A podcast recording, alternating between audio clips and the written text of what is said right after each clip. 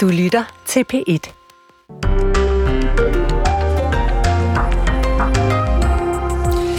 Krigen mellem Israel og Hamas har havet Gaza i snart tre måneder. Knap to millioner mennesker er internt fordrevne i det hermetisk lukkede område, hvor især menneskeskabt hungersnød lige nu truer. Klokken cirka halv ni ser vi på de udfordringer, FN står med i den kommende tid i Gaza. Og vi skal også i dag til Ukraine, der jo natten til i går blev ramt af et af de største russiske angreb længe med omfattende luftangreb mod øh, flere store ukrainske byer fra Kharkiv i øst helt til Lviv i vest og Odessa i syd. De ukrainske myndigheder opdaterer lige nu antallet af dræbte, men de seneste tal, øh, der taler vi om mindst 30 dræbte ved de her angreb. Vi taler med en dansker i øh, Ukraine, en dansker i Kiev, om en halv times tid.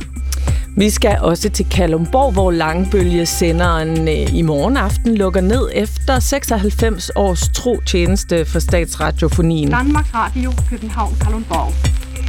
Ja, sådan lyder det altså. Vi skriver lørdag den 30. december, og årets øh, sidste P1 morgen er i gang. Vi har fornøjelsen af at levere den. Ole Brink, jeg hedder Anne-Kristine Hermann.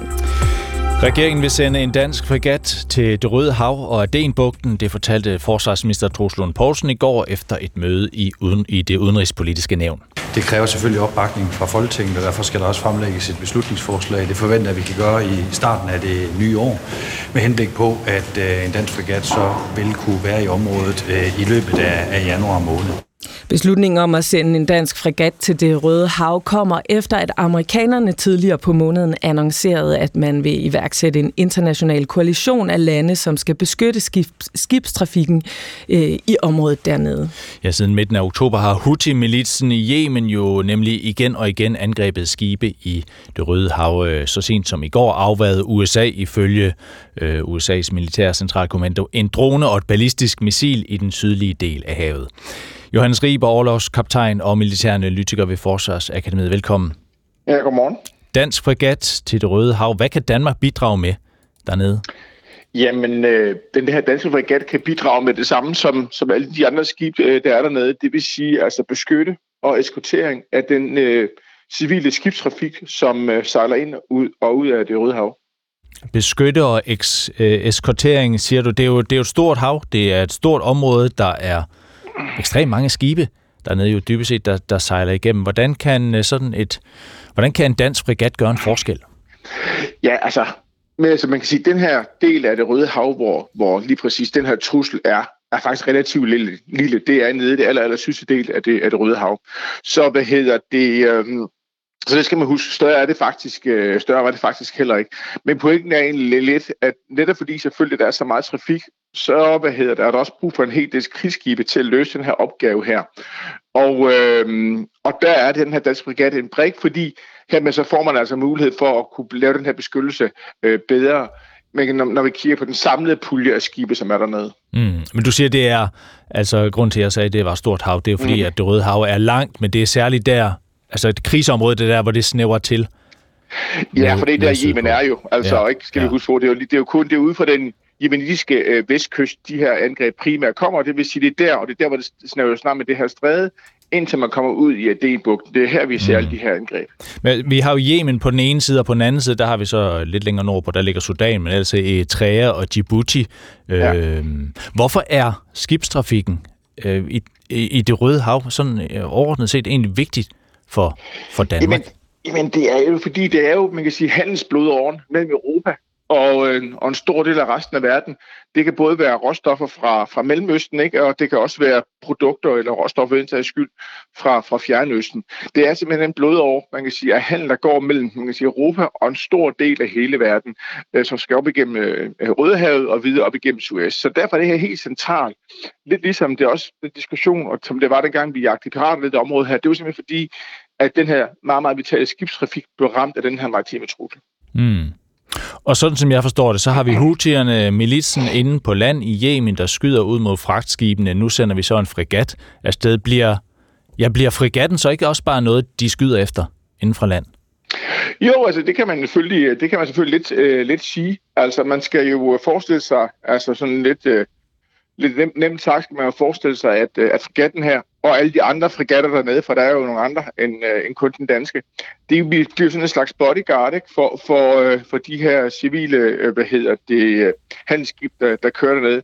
Så, så det er jo klart, at, at man kan sige, de bliver selvfølgelig også på en eller anden måde øh, et mål, om du vil.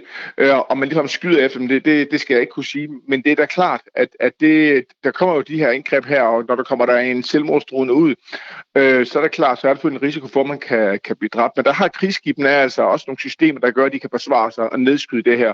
Og det har vi jo set skibene dernede gøre allerede forholdsvis mange gange. Og det er det, frigatten kan? Altså, den kan skyde ja. droner ned. Kan den også skyde ind over land? Øh, nej, det kan den ikke. Øh, det kan ikke den kan ikke skyde en land, og, og det er måske også vigtigt at også sige, at, at udover at den kan skyde, så kan den jo også overvåge luftrummet. Altså, den er jo, har jo også en sensorpakke med, så den kan kigge, hvad der foregår, og så kan man jo mellem krigsskibene og mellem koordinere, hvem der skyder efter hvad, hvis det bliver nødvendigt. Så det er både overvågning-ideen, og man kan sige skyderdelen, som bidrager med. Mm. Forsvarsminister Troels Poulsen kalder mm. missionen, som frigatten skal ud på, for alvorlig. Han siger sådan her. Det her er en øh, alvorlig mission. Øh, det er sådan, at øh, skib bliver angrebet øh, af hutierne, og derfor skal man selvfølgelig også være i stand til at og, og kan forsvare sig selv, øh, og det kommer fregatten øh, også til. Og det er det vel også, Johannes Rieber, ikke? Altså, det er en, det er en alvorlig situation dernede. Men det er det da. Altså, hvis vi, det, det er det jo. Øh, det er der ingen tvivl om, og man kan bare tælle sammen, hvor mange angreb der egentlig har været, og hvor mange, ikke mindst mange nedskydninger, der har været, hvad hedder det, af, af både droner og missiler fra, specielt fra amerikanernes side, for det er dem, der har langt de fleste skibe i det område her. Så vi har jo næsten dagligt en eller anden form for engagement for de her amerikanske skibe her, men, men man må også sige, at de har været meget, meget effektive. Altså, der er ikke ret mange af de her droner øh, eller andet grej, der er sådan set er, er brudt igennem de her forsvar, som, som man har stillet op. Så, øh, hvad hedder det? Så ja, selvfølgelig er det en, en alvorlig situation, og, og man kan jo se det bedst ved, at, at det for en periode stoppede, stoppede, stoppede det jo skibstrafikken ned området. Johannes Riber, Houthierne har tidligere forklaret deres angreb med, at de vil støtte Hamas og angribe alle skibe med israelske interesser. Er der ikke en mulighed for, eller en risiko for, at vi i Danmark kan blive set som en part i krigen, hvis vi placerer en fregat i det Røde Hav? Altså, altså den der politiske snak med Houthierne og Hamas og Gaza og sådan ting, er bare, det en ekstremt kompliceret diskussion at have, ikke? som jeg egentlig ikke helt vil komme ind på, ikke fordi at, at øh, jeg synes, at med den, man kan sige, den logik og de sammenhæng, der er i både, hvad der sker i Gaza og hvad der sker nede i, i Yemen, er relativt komplicerede ting. Så om vi bliver anset som en part eller ikke en part, det, det synes jeg er umuligt at sige. Mm. Men nu har vi så danske skibe i hvert fald, der sejler igennem dernede. Mærsk for eksempel er jo en, mm. er jo en stor spiller på det her mm. område. Er det i, i, i sådan en mission her, vil de danske skibe så særligt tage sig af Altså, den danske fregat, vil den særligt tage sig af de danske skibe dernede? Det, det er jo et rigtig godt spørgsmål, øh, og, øh, og det, det ved jeg faktisk ikke, øh, om, øh, om man vil have specielt fokus på det. Problemet er jo lidt, når vi snakker danske skibe, hvad er dansk skib så, så lige? Er det, er det et, et handelsskib med, et, med Dannebro øh, på, eller er det et, øh, man kan sige, mm. et øh, skib, der er ejet af dansk rederi, men som er fladet ind i Panama for eksempel? Øh, er det, når lasten skal til Danmark? Altså, hvornår er det, vi har den der, øh, man kan sige, hvornår er det, vi siger noget af dansk? Pointen er i hvert fald bare, at vi ved, en, en relativt stor del af de her skibe er dansk ejet på en eller anden måde fra dansk rig. Det kan også være et charterskib, øh, for eksempel. Så ja, mit bud vil være, at, at det man gør, det er, at man jo bidrager til den her amerikansk ledede operation, og så finder man ligesom ud af sammen med amerikanerne, hvad det er for en opgave, man skal lave dernede. Således man selvfølgelig heller ikke dublerer, ikke? men heller ikke har nogle store huller i den her operation, mm hvor der ikke er noget, man beskytter. Tak for det, Johannes Riber. Tak for analysen. Velbekomme. Overlagskaptajn, militæranalytiker ved Forsvarsakademiet. 81-årige Ebbe Preisler, der er sigtet for at have dræbt sin øh, Parkinson-syge hustru, Marianne Preisler, med metadon, bliver formentlig klar til at blive fremstillet i grundlovsforhør i dag. Han blev øh, onsdag morgen fundet bevidstløs. I september skrev parret i en øh, kronik i politikken under overskriften Min kone og jeg vil gerne have et par dødelige piller, så vi en dag kan øh, tage dem frem, se hinanden kærligt i øjnene og sige Farvel, min elskede. Tak for alt.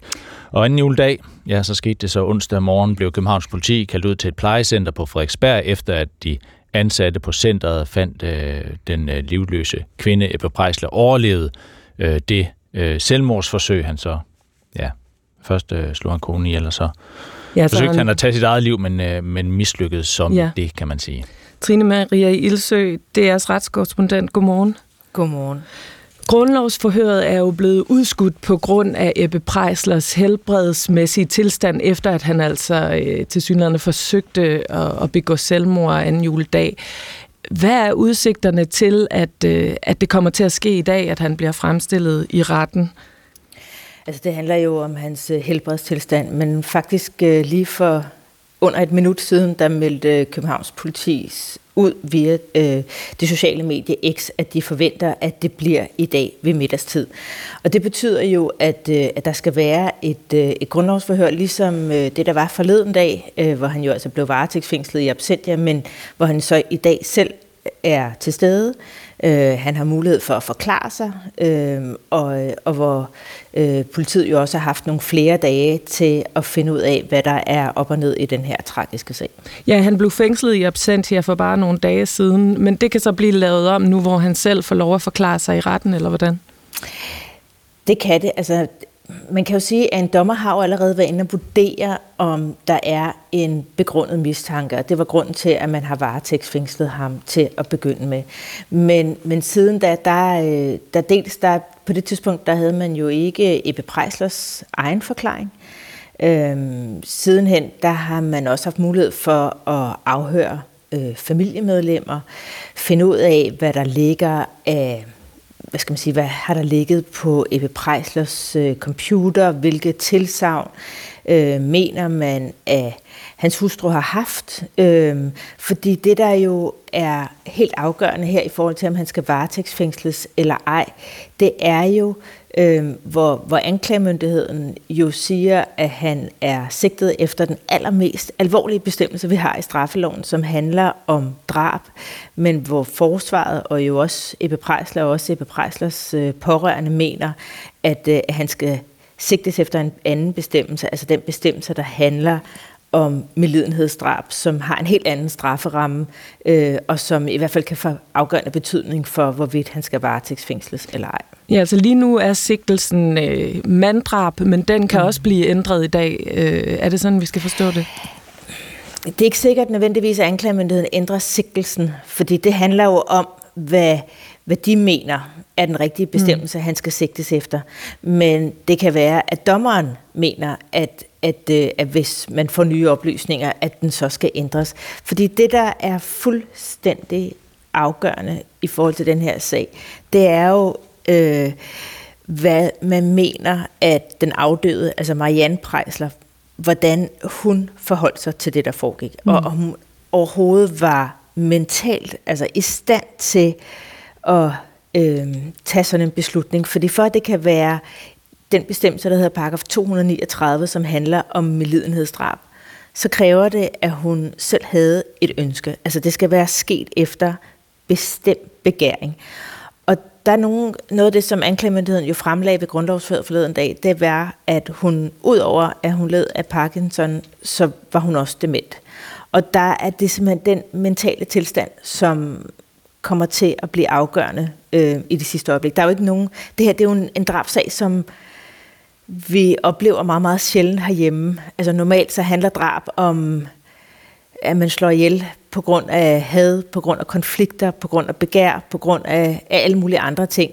Den her sag, det handler jo om, at det har været en meget syg kvinde, og hvor Ebbe Prejsler ønskede, at øh, hun endte sit liv, men det er stadigvæk forbudt, når man mm. kigger på lovens bogstav. Så der er både et spørgsmål om, hvorvidt hun har givet samtykke, men også om hun egentlig var i stand til det i forhold til, øh, hvis hun var dement, eller hvilken mental tilstand øh, Marianne Preisler var i. Altså det er begge dele, der, der vil være, mm. være afgørende, også fordi altså man skal både give et klart og bestemt samtykke, men man skal også være ved sin fulde fem til, at man kan afgive det. Og der er noget af det, der, der er noget af det, der kommer til at spille en afgørende rolle. Det er jo øh, jo dels den kronik, øh, som Ebbe Prejsler skrev i september. Øh, han gav også et øh, interview øh, kort efter kronikken, også med politikken i, i, til politikens podcast, øh, Du lytter til politikken. Og så vil noget af det, der også vil være afgørende, det er jo vidneudsagn fra familiemedlemmer, og dem, de har jo udtalt sig øh, i medierne her mm. de seneste par dage. Ja, vi har også øh, øh, selv her på redaktionen talt med datteren Louise Preisler, som satte ord på det, hun mente, hendes far havde gjort. Øh, prøv lige at lytte med her. Både mig og min bror, vi bakker fuldstændig op i det, som min far har gjort. Øh, fordi at vi ser det som den største kærlighedserklæring, han har givet min mor. Øh, og, og vi bakker også op i, at han ville gerne have fra sammen med min mor, øh, fordi at det, det var hans elskede, og de ville godt afsted sammen. Trine, du skal jo så øh, ud til det grundlovsforhør, der, øh, der kommer til at være øh, her til eftermiddag formentlig, eller omkring middagstid. Hvad er det, du vil lægge særlig mærke til i dag? Det er jo først og fremmest, øh, hvad det er, Ebbe Prejsler selv kan forklare. Altså, det grundlovsfører, der var forleden dag, det foregik jo faktisk øh, for, for åbne døre. Det er jo i sig selv også ret usædvanligt, når der er tale om, om det i hvert fald på papiret, øh, der bliver betegnet som en drabsag. Men det var jo blandt andet øh, efter familiens ønske. Øh, så, så det vil jo særligt, altså hvis dørene øh, vedbliver med at være åbne, så vil det jo selvfølgelig især være Ebbe Preislers forklaring. Øh, og, og så vil det jo også øh, handle om, at, at øh, forsvaret, altså for Ebbe Preisler, har jo så også haft nogle flere dage til øh, at forsøge at finde ud af, øh, hvordan de kan overbevise en dommer om, at det her også var Marianne Preislers eget ønske, mm. og at hun også var mentalt i stand til at komme med sådan et samtykke, fordi normalt så er det jo sådan nogle sager her, det er jo anklagemyndigheden, der skal ind og bevise, at nogen er skyldige. Men når det handler om, at man ønsker at få det her over i en anden pakke, en anden bestemmelse i straffeloven, altså den, der handler om medlidenhedsdrab, i stedet for den meget, meget alvorlige almindelige drabsbestemmelse, så kan man jo på en måde sige, at, at byrden, den ryger over på forsvarets side. Det er dem, der skal forsøge nu at bevise, at hun var i stand til at give mm. det samtykke. Så det her, det er jo ud over at være en ekstrem tragisk sag, og også en sag, som jo bare de sidste par dage har skabt øh, øh, gehør inde på Christiansborg, hvor politikere vil kigge på reglerne, så er det jo også en sag, som, som lige nu i det konkrete tilfælde, og som jo lige præcis også øh, skal afgøres ud for de regler, der eksisterer i dag, øh, at der er helt klart også noget, som, som man i hvert fald kan se, at forsvaret forsøger øh, at kæmpe for. Ja, og det er også en, en sag, vi ser nærmere på i næste time af udsendelsen. Tak for at være med os, Trine Maria Ilsø. Velbekomme. Det er retskorrespondent.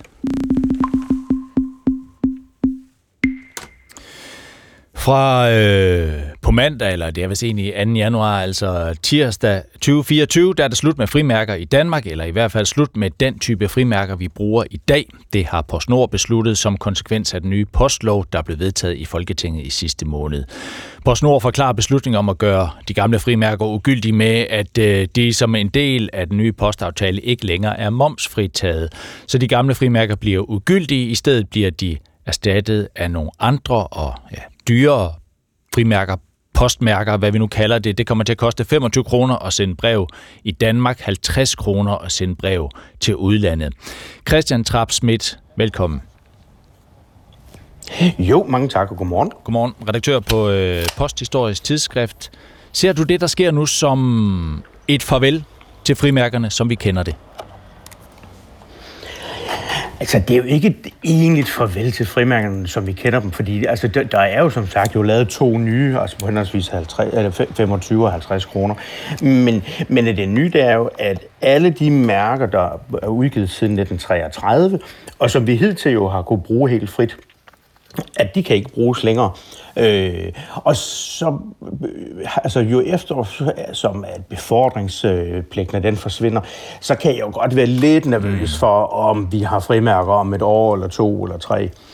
Så det er sådan et, øh, et langsomt farvel, vi måske tager hul på her 1. januar eller 2. januar. Så hvad, hvad er det for en historie, vi så vinker farvel til samtidig med det her langsomme farvel til frimærkerne? Jamen, at vi vinker jo lidt farvel til sådan en, sådan en kulturhistorisk ting, forstået på den måde, at frimærkerne har jo i, altså jo i 100 år været brugt til sådan at, sådan at afbillede ting, som vi som danskere sådan har været fælles om. Øh, altså det har jo dels været sådan noget med monarken på øh, altså, det, altså kongerne og vores nuværende dronning på frimærkerne, det har været, hvad hedder det, landskaber, det har været dyr, det har været øh, byers jubilæum, kendte danskere, malere, forfattere osv. Altså det ting, som, som, som, som vi ligesom var fælles om, ting, der var sådan var øh, kanoniseret på en eller anden måde. Øh, og, og, det, og det er jo sådan endnu sådan en lille ting, som, som, som, som, som vi sådan siger farvel til nu, ikke? Mm. Og det har jo været sådan en, øh, der er jo, mm, ja, i hvert fald sådan som jeg har fulgt det, der er jo hele tiden kommet nye og nye billeder og nye. Når du kigger tilbage på alle de her årtier, hvor du har fulgt det, øh, øh frimærkerne og frimærkernes udvikling i Danmark, hvad synes du har været sådan det mest, det mest markante, eller hvad vil du pege på som de mest ikoniske frimærker, vi har her i landet, har haft? Åh, oh, det, er jo, det er jo sådan et lidt farligt spørgsmål, fordi alle, der, der interesserer sig lidt for det her, har jo været deres sådan yndlingsting, eller ting, de synes er mest ikoniske. Mm. Men altså, hvis man skal pege på sådan en, sådan en enkelt ting, øh, og, og som egentlig understreger sådan, sådan min pointe fra før, så skulle det være den serie, der blev udgivet sådan i midten af 50'erne, der hedder Kongeriget i 1000 år. Øh, som netop viser, altså, den viser jo for eksempel Jellingsten og øh, en af ringborgene og Hammershus på Bornholm osv.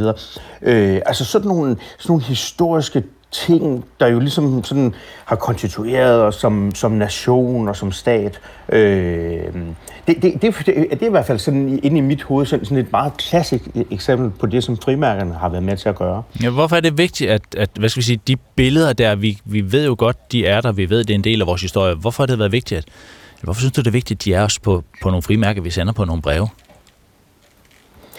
Jamen, jeg ved jo heller ikke, om det er vigtigt. Men, men, men jeg kan jo i hvert fald jo bare konstatere, at mange af de ting, som vi sådan, sådan rent historisk set har samlet omkring, altså jeg kan huske sådan, altså for, øh, for, for år tilbage, og da jeg selv var barn, at den, når vi mødtes om mandagen, så havde vi jo ligesom set det samme, jo på Danmarks Radios øh, ene kanal, øh, og, og, og, vi, og vi ligesom sådan, at, at, at der var ligesom sådan, sådan en ting, vi samlede os om. Landskampe, altså hvad, hvad hedder fodboldlandsholdskampe, de, de, de blev også vist, når alle kunne se dem. Nu skal man jo have, have sådan betalingskanaler for at kunne se mm. halvdelen af dem. Øh, og, og, og det her med, at, at frimærkerne nu formentlig sådan jo stille og roligt bliver faset ud. Det er jo sådan endnu sådan en, en af de der små ting, hvor der er de ting, som vi sådan har fælles om og har en fælles fortælling om, at de ligesom sådan forsvinder ud, ikke? Ja, så vi har, altså, jeg kan lige, hvis jeg skal opsummere det, du siger, Christian, så vi er, nu har vi en situation her, markedet øh, bliver frit, det hele bliver meget dyrere, historiefortællingen forsvinder. Ja, det, det er jo sådan en, øh, en, en meget sådan kort opsummering af det. Ja, ja. Så, så det lyder som om, at øh, ja, hos dig i hvert fald, der er mere gravøl her i morgen aften, end, end der er champagne. Er det lidt en trist... Øh, er det trist for dig, synes, at, at frimærkerne på den måde glider ud i, i, et, i et område, hvor det er ja, det går ned ad bakke, og om et par år, der er de måske helt væk?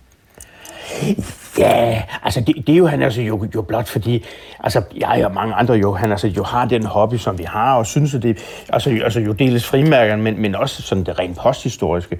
Øh, så, så, så, så, på den baggrund er det jo lidt trist, men, men jo sådan hånd på hjertet, så har jeg i hvert fald jo godt selv kunne se igennem jo en årrække, at der bliver sendt færre og færre breve, mm. øh, og vi kommunikerer jo på anden vis.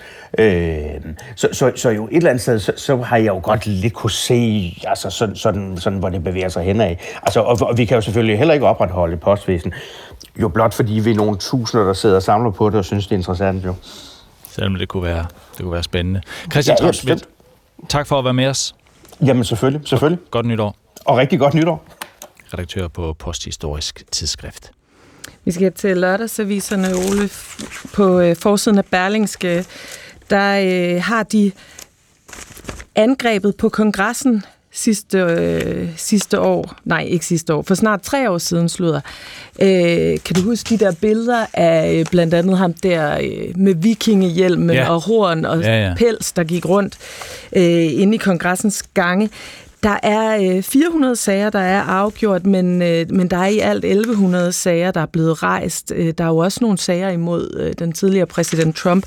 Og grunden til, at Berlingske kigger på det i dag, det er fordi, at den her store konspirationsteori, som som den jo udsprang af, altså stormen på kongressen, den kommer til at spille en stor rolle ved, ved det præsidentvalg, som der skal være til november i USA. Altså en konspirationsteori om, at det hele var det var snyd, fikset Det var snyd og bedrag. Var, øh, bedrag. Donald Trump, han vandt præsidentvalget i 2020, og demokraterne, de øh, gennemførte en, en omfattende vins, valgsvindel for at, at frarøve ham sejren. Det er altså selvfølgelig øh, altså løgn, det, det har ikke noget på sig, men det er der faktisk stadigvæk 61 procent af de øh, republikanske vælgere, øh, der tror på, eller de tvivler i hvert fald på, at det var Joe Biden, der vandt valget. Og Berlingskes Paul Høj, han har så altså fulgt 11 retsmøder i 11, eller retsmøder i 11 forskellige straffesager i Washington, for at se nærmere på, på alle de mennesker, som jo altså er tiltalt i den her sag, øh, som stadig ruller i mm. USA, og som altså formentlig får ret stor betydning for næste års øh, præsidentvalg. Berlingske. Politikens forside hedder, din, flyve til, din flyvetur til USA kan være 100 gange værre, end du troede, og det er en god ting. Okay. Ja, øh, det handler om øh, kondensstriberne, som flyene efterlader på himlen. Øh, det ved, vi kan, man kan jo se dem alle sammen, når man mm. kigger op, og der har været et fly, så er der også en streg. Og, men sådan en kondensstribe er ikke bare en kondensstribe. Øh, der er nogle af dem, der, er, der bliver større og større, og til sidst så bliver det nærmest sådan en helt aflang sky, og der er nogle dem, der bare ligesom forsvinder. Hmm.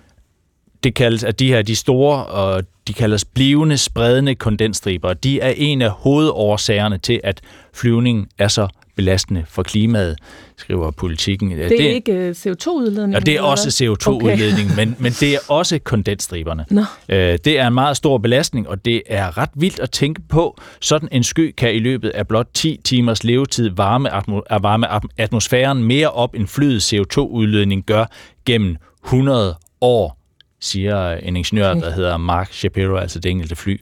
Uh, Shapiro er leder af kondensstribe forskningen hos det Bill Gates støttede Breakthrough Energy. Øh, og ja, på den ene side, så er det en lille smule spøjst, og på den anden side, så er det jo også bare, så er det også bare interessant, fordi at det viser sig at det her kan man faktisk gøre noget ved.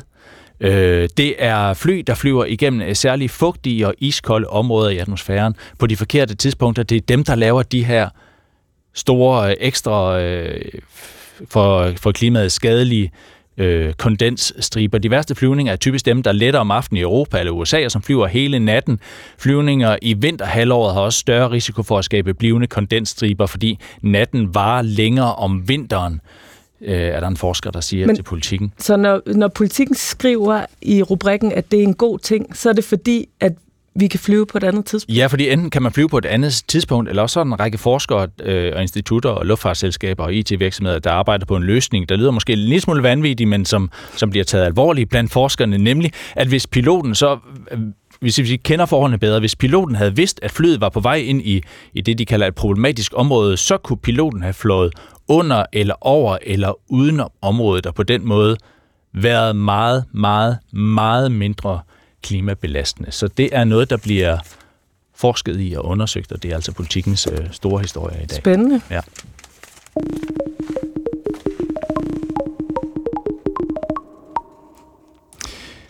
Krigen mellem øh, Israel og Hamas har havet Gaza i øh, ja, omkring 12 uger nu, altså næsten, øh, næsten, næsten tre måneder. Det er en krig, der ifølge sundhedsmyndighederne i Gaza har kostet tusindvis af civile mennesker livet og fordrevet mindst ja, vi er nærmest op mod 2 millioner mennesker, der er internt fordrevet i Gaza nu. Jens Lærke, talsmand for FN's kontor for koordinering og nødhjælp OCHA. Velkommen. Tak skal du have. Godmorgen. Ja, godmorgen. Vi havde dig også med, Jens, i begyndelsen af november her i radioen. Og, øh, også dengang var der jo situationen jo desperat i Gaza. Du sagde, dengang sagde du sådan her. Det er ikke noget, vi har set en humanitær krise udvikle sig så hurtigt, så brutalt øh, og med så lidt øh, intention i virkeligheden for at rent faktisk at gøre noget ved det fra verdens samfundet. Ja, sådan sagde du dengang, Jens Lærke. Hvad er det for et Gaza, vi ser lige nu?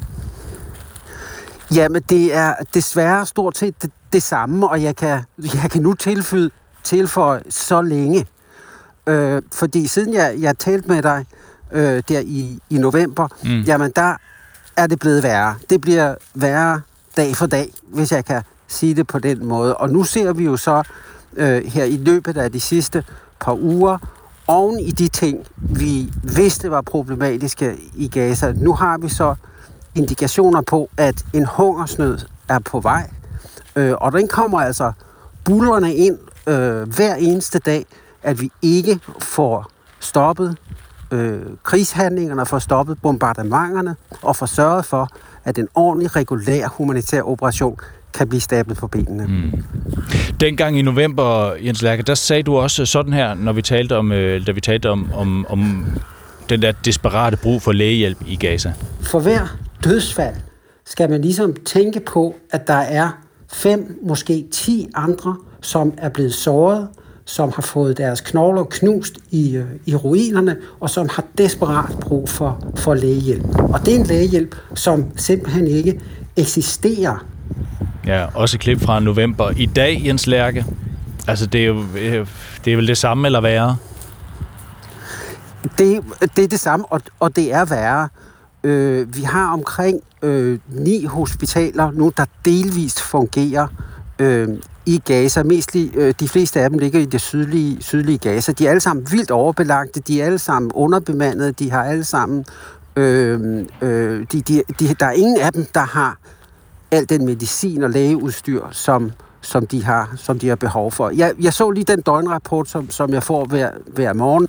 Vi er nu over 21.500, som er som vi ved, er blevet slået ihjel øh, i Gaza. Øh, over en tredjedel af dem er, er børn. Og det er så dem, vi ved om, dem som er blevet talt, dem som er blevet registreret. Hvor mange der stadigvæk ligger under ruinerne, jamen det ved vi simpelthen ikke. Men vi ved fra andre situationer, at sådan et dødstal øh, kan ryge væsentligt op, når først man på et tidspunkt engang ude i fremtiden begynder at få ryddet op i det her. Jens Lærke, du sagde, at øh, vi bevæger os mod en hungersnød i Gaza. Vi ved jo, at befolkningen i Gazastriben har sultet længe. Hvad er det, der gør, eller hvad er forskellen, når det så bliver til en hungersnød? Ja, det, det vi har nu, det er, at vi har de, øh, de eksperter, det er internationale uafhængige eksperter, som kigger på de data, som vi har øh, tilgængeligt. Da der var en, en kort pause på en uges tid i slutningen af, af november, så var det muligt for, øh, for FN at indsamle oplysninger om, jamen hvad er rent faktisk folks øh, behov for, for mad, og hvad har de, hvad har de rent faktisk øh, adgang til. Og på basis af sådan nogle undersøgelser kan man så lave nogle projektioner. Og det er så det, man har gjort. Man har allerede øh, dokumenteret, at der er folk i det, der hedder IPC5, som er den højeste kategori af øh, det, der teknisk set kaldes fødevareusikkerhed. Det vil sige, de ved simpelthen ikke, hvor det næste måltid skal komme fra. Øh, det vil selvfølgelig fortsætte, og, det er, og så, så længe der ikke øh, kommer en humanitær operation ind, der er på niveau med det behov, der er, plus at den almindelige kommercielle sektor også skal i gang igen. Når du ser på situationen, Jens Lærke, ser du noget håb mm. noget sted? Det er meget svært. Der er ikke ret meget dagslys, der kommer ind øh, i Gaza øh, i øjeblikket. Det bliver værre dag for dag. Men der er ikke noget, der bliver bedre, før det holder op med at blive værre. Mm. Og det vi så siger øh, helt klart og har sagt i lang tid, det er, ja, nu har vi en, vi har en FN-resolution, som vi fik øh, lige kort før jul, som siger øh, højt og flot, at nu skal der en fuld og komplet humanitær operation i gang, og vi skal have adgang til, til områder i, i Gaza, hvor folk har behov. Og det er alt sammen meget fint. Men når situationen inde i Gaza er sådan, at det er fysisk umuligt at gøre det, jamen så kan man jo stille spørgsmålstegn ved, jamen hvor meget, hvor meget hjælper det? Øh, så, så igen, øh, bundlinjen er, vi skal, vi skal have våbnene til at tige. Og, og hvis det ikke sker, altså hvad kan I så gøre, når, når det simpelthen gælder hungersnøden? Vi kan, vi kan gøre det, som vi gør, og det er små lappeløsninger, når vi har mulighed for at køre øh, nødhjælp ind til de områder, hvor flest mennesker er koncentreret, og, og, og det er jo så nede i, de, i det sydlige Gaza. Så gør vi selvfølgelig det. Vi uddeler det, øh, når, vi, når vi kan øh, komme afsted med det, men det bliver det bliver lappeløsninger, og slet ikke den operation, som vi er, er parate og kompetente til, til at gennemføre. Det er først, når der bliver, når der bliver fred. Først, når der ja. bliver fred. Jens Lærke, tak for det. Tak skal I have. Talsmand for FN's kontor for koordinering af nødhjælp OCHA.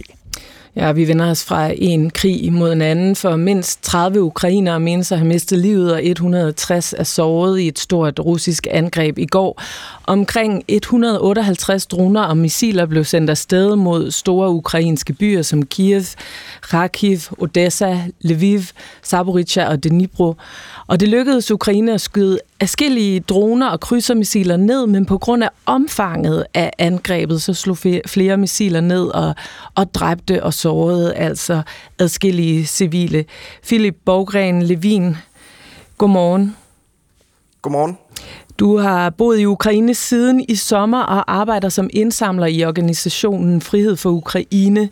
Øh, ja. Hvordan er natten forløbet i Kiev, hvor du er?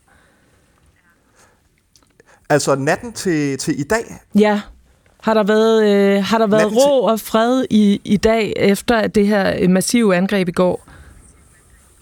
Altså efter angrebet i går, der havde vi en enkelt luftalarm, øh, som varede i en time omkring klokken 3, men øh, der så eller hørte jeg ikke nogen eksplosioner her i, øh, i Kiev.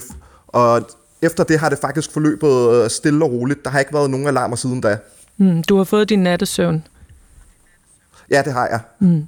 I er jo vant til, øh, også i Kiev, at skulle i beskyttelsesrum. Øh, hvordan var mm. angrebet i går sammenlignet med tidligere angreb, du har oplevet?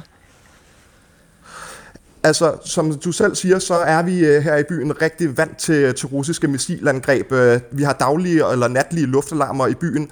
Normalt så de her missilangreb, de bliver skudt ned i, i udkanten af byen, fordi Kiev er den mest sikrede by i hele Ukraine. Så angrebet i går, det var utrolig voldsomt i forhold til, hvad det plejer at være. Jeg ankom til min lejlighed øh, ved syvtiden, og når lige at få sat en, øh, sat en film på. Jeg er meget træt efter den lange bustur fra Warszawa. Og øh, så hører jeg så en kæmpe stor eksplosion lige uden for mit vindue. Og eksplosionen den er så, så voldsom, at øh, hele lejligheden runger, ligesom hvis man hører høj musik og har bas på. Så øh, ligesom alt ryster herinde. Mm. Jeg kigger så ud af vinduet, og så på den anden side af gaden, der ser jeg så den her kæmpe søjle af røg, sort røg, som stiger op til himlen, og nærmest i en paddehattesky. Og der går et par minutter, og så dækker det faktisk nærmest hele himlen til herinde. Mm. Så det var en ekstremt voldsom eksplosion. Ja. Nu har, og nu har, øh, nu har den... Øh det angreb jo så bundfældet sig, og øh, tabstallene er vokset øh, mindst 30 ser det ud til lige nu, er dræbt. Hvordan, øh, hvordan reagerer folk nu, der hvor du er? Hvordan har reaktionen været på det her enorme angreb? Jamen, reaktionen i, i Kiev, den har faktisk... Øh, altså, det, det rører selvfølgelig folk, når det sker, og jeg kunne også godt mærke, da den anden luftalarm kom lidt senere på dagen, at øh, der var flere, som gik ned til metroen. Det gjorde jeg også selv. Det er faktisk noget, jeg ikke plejer at gøre ligesom for, for at gemme mig dernede, hvis der skulle komme et stort missilangreb igen. Så det angreb, der var i går, det har, det har, det har virkelig rørt befolkningen her i det centrale Kiev. Mm. Så og udover det, du nævner her, er der så andre øh, forholdsregler, du og dine naboer øh, tager efter det, der skete i går, øh, i forhold til, hvordan I har, har bevæget jer i byen de seneste måneder? Altså, der, der, der er ikke øh, så mange forholdsregler, man kan tage mere end det, vi, vi allerede gør, som, som er at øh, gå ned til metroen, øh, er det, der bliver øh, øh, der rådes, man gør, når der kommer en luftalarm. Der, der er desværre ikke så, så, så meget andet, man kan gøre, end at, end at gå i beskyttelsesrum, når de her luftalarmer de, de kommer. Men øh, altså, efter angrebet går, så der gik ikke mere end 10 minutter før hverdagen faktisk var tilbage igen, og folk var ude på gaden, og, og bilerne kørte. Og det bliver man jo nødt til, fordi folk har, har arbejdet, de har børn, der skal i skole. Det er jo normale mennesker, ligesom i Danmark. Mm. Så, så de, de har også ting at lave. Så man, man kan ikke sidde nede i et beskyttelsesrum 24-7, desværre. Mm. Før, før angrebet i går, der var der angiveligt snak øh, i blandt andet det hvide hus i USA om at forhandle med russerne. Øh, er den ukrainske befolkning, tror du, også klar til at forhandle en eller anden aftale med russerne efter snart to års krig? Absolut ikke. Absolut ikke. Der er ingen chance for, at den ukrainske befolkning vil overgive noget som helst territorie til russerne de her, øh, jeg, jeg tror personligt, at russernes taktik med de her angreb, det er at terrorisere befolkningen så meget, at de bliver trætte af krigen, og derfor vil presse regeringen til at overgive territorier til russerne. Men det, det, jeg fornemmer på alle mine ukrainske venner, det er, når de her angreb rammer, og specielt når der er mange døde og sårede, og specielt når de rammer her i midtbyen af Kiev, hvor de selv bor, det er, at de bliver ikke bange for russerne, de bliver mere og mere sure og mere og mere stålsatte i deres forsvar af landet. Mm. Så jeg tror ikke, der er nogen chance for, at befolkningen vil acceptere noget som helst overgivelse af territoriet til, til russerne. Ja. Nu nytåret lige om hjørnet. Øh, hvordan bliver nytårsaften i Kiev, tror du? Er det noget, der bliver markeret overhovedet, eller har I fortravlt med at forholde jer til, til krigen? Jeg tror, at der kommer en. Øh, jeg tror ikke, der kommer nogen øh, store markeringer ude på, på gaden. Jeg tror, det bliver mere, at øh, familier de, de mødes til, til noget middag, og så, så tager man hjem bag, bagefter øh, og ser, hvad, hvad der sker. Fordi at der er mange, der godt kunne forestille sig, at russerne de vil foretage et angreb nytårsaften. Og der er som sagt, øh, eller der er også udgangsforbud i hele landet fra, fra klokken 12 af, så det er ikke noget med, at folk går rundt ude om natten. Men jeg tror ikke, at øh, markeringen af nytårsaften bliver, bliver særlig stor. Mm. Tak for at fortælle, Philip Borgren Levin. Det var så let. Som altså har boet i Ukraine siden i sommer og arbejder som indsamler i organisationen Frihed for Ukraine. Ja, det er jo utvivlsomt en svær tid for Ukraine. Øh, året, der er gået, har budt på en knap så vellykket offensiv, hvor man ikke formåede og sådan for alvor slå hul på de russiske forsvarsstillinger. Øh, der er også begyndt at være sådan øh, mere åben kritik af præsident Zelensky, blandt andet fra øh, Kievs borgmester øh, Vitali Klitschko. Øh, og så var der også den her sag med den øverst befalende for de ukrainske styrker, general Salushny, der i et interview sagde, at situationen ved fronten er låst fast, det var en udtalelse, han fik øh, temmelig meget kritik for. Internationalt set, så, så, så står Ukraine jo også i en situation, hvor de kigger meget mod USA, og den hjælp, de håber på at få fra USA, og den kniber det lige nu med at få vedtaget i USA, altså den næste militære støttepakke til Ukraine. Så 2023 har altså på stort set alle niveauer været et besværligt år for Ukraine. Lad os prøve at kigge lidt på 2024. Anders Puk Nielsen, velkommen. Jamen, tak skal du have. Overlovskaptajn, militær analytiker ved Forsvarsakademiet, og jeg ved godt, at vi ikke skriver 2024 endnu, men angrebet i går og natten til i går var omkring 30 mennesker døde, mere end 160 personer blev, blev, blev såret. øh, kan jo godt se som et Ruslands, som Ruslands velkommen til 2024 Ukraine. Sådan et angreb, gør den ondt på moralen i militæret i, i Ukraine, tror du? Nej, jeg tror ikke som sådan, det gør øh, ondt på moralen i forhold til, at man så øh, mister kampviljen eller sådan noget. Måske tværtimod, som vi lige hørte, så er det jo noget af det, der er med til at gøre folk endnu mere sure og, og stålsatte. Øh, men, men det er klart, at det er jo noget, der illustrerer, at, øh, at krigen er langt fra vundet på ukrainsk side, og at øh, man faktisk står et sted, hvor Rusland måske i virkeligheden lige i øjeblikket har, øh, har overhånden, øh, både på frontlinjen, hvor det er russerne, der lige i øjeblikket er, er ved at rykke frem, og så altså også, at de har evnen til at, at ramme Ukraine rigtig hårdt, øh, også øh, i de store byer bag ved frontlinjen, hvor man måske havde en forhåbning om, at sanktioner mm. og sådan noget ville have gjort, at, at de ikke havde den her kapacitet længere til at kunne bygge de her missiler. Ja, hvorfor er det sådan? Altså, hvorfor er det gået sådan? Hvad er den primære årsag til, at Ukraine ikke har haft den, den succes, de håbede på ved, ved fronten i det år, der er gået her? Jamen altså, man må sige, at, den her sommeroffensiv var simpelthen ikke succesfuld nok, øh, og, og årsagen til det er øh, nok, at den var for lille, øh, og at den også kom for sent på mange måder. Rent militært, så havde russerne simpelthen fået tid til at konsolidere sig, øh, bygge nogle kæmpe stærke forsvarslinjer, øh, og der var, øh, der var ukrainerne simpelthen, de havde ikke det, der skulle til for at, øh, at trænge igennem det, øh, og, øh, og så står vi desværre et sted, hvor at øh, rigtig meget var sat ind på den her øh, sommeroffensiv, den skulle ligesom løse krigen, øh, løse problemerne, og det betyder, at nu har, har både Ukraine, men, men i særdeleshed de vestlige lande er sådan lidt på, på bagkant i forhold til at træffe nogle af de beslutninger, der skal kunne sætte dem i stand til at, at kæmpe en lang krig. Øh, og der har russerne så nogle fordele, fordi de tidligere har begyndt at omstille deres produktion og alle sådan nogle ting til at, at, at kunne kæmpe den lange krig, og ukrainerne først nu skal til at, at konsolidere opbakningen til det. Så, så hvad skal der til for at øh, 2024 sådan militært set bliver et bedre år for Ukraine? Altså, jeg tror faktisk, vi måske skal se 2024 som sådan en form for øh, overgangsår, hvor det for Ukraine først og fremmest handler om at, at konsolidere øh, og, øh, og sikre, øh, at man over den, på den lange bane får kapaciteten til det her, men øh, i erkendelsen af, at vi går ind i 2024 et sted, hvor russerne faktisk har overhånden, og at det handler om, at øh, hvis man kan komme igennem 2024 og forvente det rundt, sådan så at Ukraine vil, vil indgang til 2025 måske står med, med overhånden, så vil det være et godt resultat. Og det handler jo om både at få sikret øh, opbakningen i, i de vestlige lande, altså øh, det er simpelthen for usikkert lige i øjeblikket, hvor meget Ukraine har at gøre med. Det handler om at få en øh, ukrainsk forsvarsproduktion op i, i gear.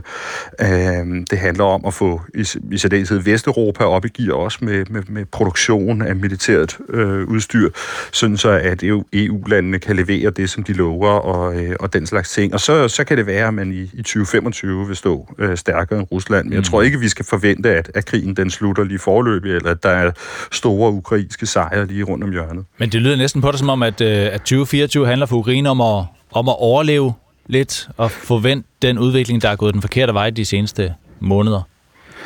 Ja, ja, sådan tror jeg, at vi skal øh, forstå det. Det er i hvert fald, øh, øh, for, for mig at se, så står vi et sted, hvor det faktisk er Rusland, der lige i øjeblikket er bedst, øh, øh, bedst i stand til at, at kæmpe krigen lige nu og her. Men altså, der er en, en øh, øh, altså, der er nogle gode muligheder for, at Ukraine kan forvente den her øh, udvikling, for kurverne til at, øh, at bytte plads, kan man sige øh, hvis det er sådan, at man får konsolideret de vestlige lande bag en langsigtet strategi og sådan noget. Altså, øh, så, så, så er jeg sådan set øh, øh, hvad skal jeg sige, begrænset optimist på Ukraines vegne, men det kræver nogle, øh, nogle hårde beslutninger, og det kræver øh, et, øh, nogle, nogle beslutninger, som også øh, tager tid at få omsat til, øh, til realiteter. Altså det her med at få bygget nogle øh, nye fabrikker, der kan levere våben og, og den slags ting, det er jo ikke noget, man gør fra den ene dag til den anden. Mm, og få de der F-16-fly i luften og få piloterne uddannet uddannet og hele den proces, der er i gang? Ja, også det er, er jo noget, som, øh, som tager tid, øh, og som øh, øh, forhåbentlig også for Ukraines vedkommende vil være noget, de kan øh, gøre i, i 2024, både for de her fly i, i, i drift, som de har fået lovet, men måske også øh, få øh, endnu flere lande til at byde ind på, på den her kampflykoalition og levere nogen til dem. Sagde Anders Buk Nielsen. Tak for det. Velbekomme. Orlagskaptajn og militæranalytiker ved Forsvarsakademiet.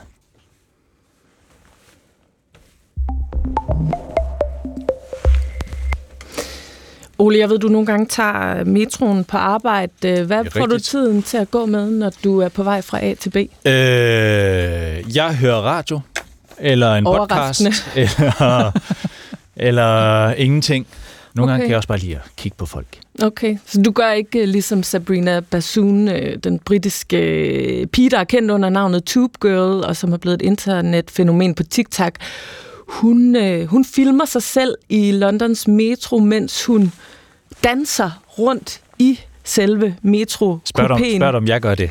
Jeg, jeg spørger bare, det er et åbent, det nej, sige, det er et lukket spørgsmål. Det, det, det er rigtigt, det gør jeg faktisk ikke. Det er faktisk rigtig sjældent, jeg danser i metroen, mens jeg filmer mig selv. Du kan godt overveje lidt uh, til et nytårsforsæt, ja. uh, så er der lidt inspiration. Uh, men Tube Girl her, hun gør det altså med hurtige kamerabevægelser, strakte arme, og så filmer hun sig selv og danser og mimer til musikken, hun har i ørerne, og det er især det her nummer, hun danser til. Can't you tell that I want you, I say yeah.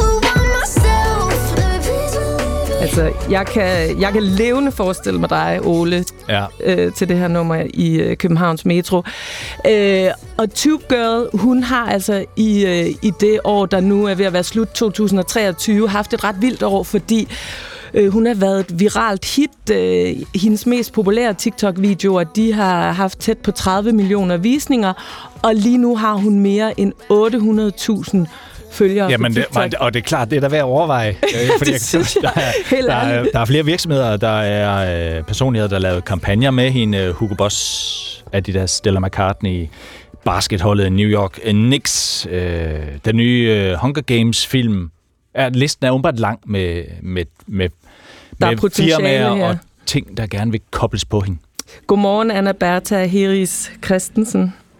Godmorgen. Ph.D. og ekspert i influent markedsføring på Copenhagen Business School. Hvorfor er Tube Girl her blevet så populær, tror du? Jamen, øh, udover at inspirere øh, Ole, så øh, har hun også øh, inspireret eller dykket ned i en nerve fra ungdommen, øh, der handler om hele det her med at ture øh, øh, og være noget. Der er jo sådan en mental... Hun, hun dykker ned i også det, som TikTok er kendt for, som er den rå nerve, det autentiske, øh, og hun filmer også i det format, der hedder Point 5-formatet, som er sådan et selfie-format, som ikke er så poleret, som vi normalt ser det. Så hun gør sådan op med den her meget polerede nerve fra Instagram og alt sådan noget. Og så dykker hun, som jeg startede med at sige, ned i det her med øhm, en ungdom, der har været præget af social angst og alt sådan noget. Så hun har en, udover en inspirationskilde for Ole, så er hun en kæmpe inspirationskilde for øhm, ungdommen.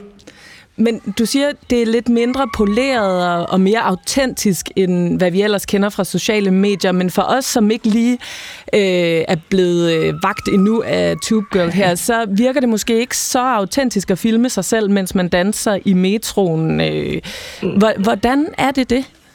Ja, øh, og... Øh, det autentiske opstår ligesom i fortællingen bag Tube Girl, at hun ligesom sådan hun, der har hun også lagt en masse videoer ud omkring, hvorfor, hvorfor startede hun med at filme sig selv. Men det gjorde hun bare, fordi hun havde brug for at udtrykke sig. Det autentiske opstår i, at hun står der som den, hun er i princippet, og så gør hun op med det der med at ikke ture og gøre noget, at skulle være en eller anden bestemt. Hun tager, øh, kan man sige, teenageværelset ind i metroen.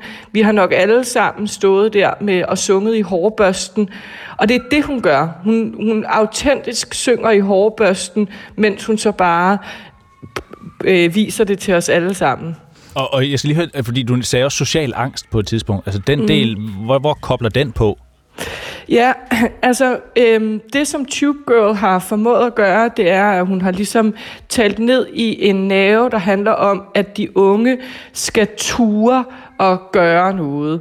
Øhm, og øh, har startet en masse hashtags og alt sådan noget, altså en masse samtaler online omkring det at bryde med den sociale angst. Og der er så en masse unge, der er begyndt at kopiere hendes videoer, øhm, og som så laver fortællinger omkring, nu tør jeg at danse i metroen, som være sådan noget helt vildt, og så bryde med den her, kan man sige, øh, idé omkring 12-talspigen, der skal opføre sig så på en bestemt måde, og så danse helt vildt øh, i en metro, som virkelig, kan man sige, er et offentligt rum, hvor du ikke bare kan gå væk. Du skal jo også stå der i metroen, når man kan sige, når sangen er slut.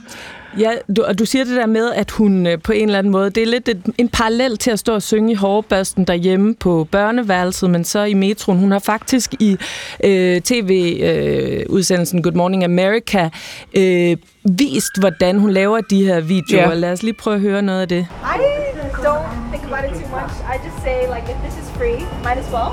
And then you want to make sure that these windows are all the way down. Sometimes they're a bit higher. So yeah, we're just going to make sure the windows are down. And then see if the wind is coming. If it is, we can start. Ja, hun står altså her i, øh, i Londons metro, hvor der er sådan nogle små vinduer i enden af togvognene, øh, som man kan åbne lidt, og så fortæller hun, hvordan hun stiller sig foran for at få vind i håret, når hun filmer øh, mm. sine videoer. Det her med, at det foregår i Londons metro, der har jo været en ret meget fokus på London, øh, om hvordan kvinder kan bevæge sig frit rundt, øh, også efter nattens øh, frembrud.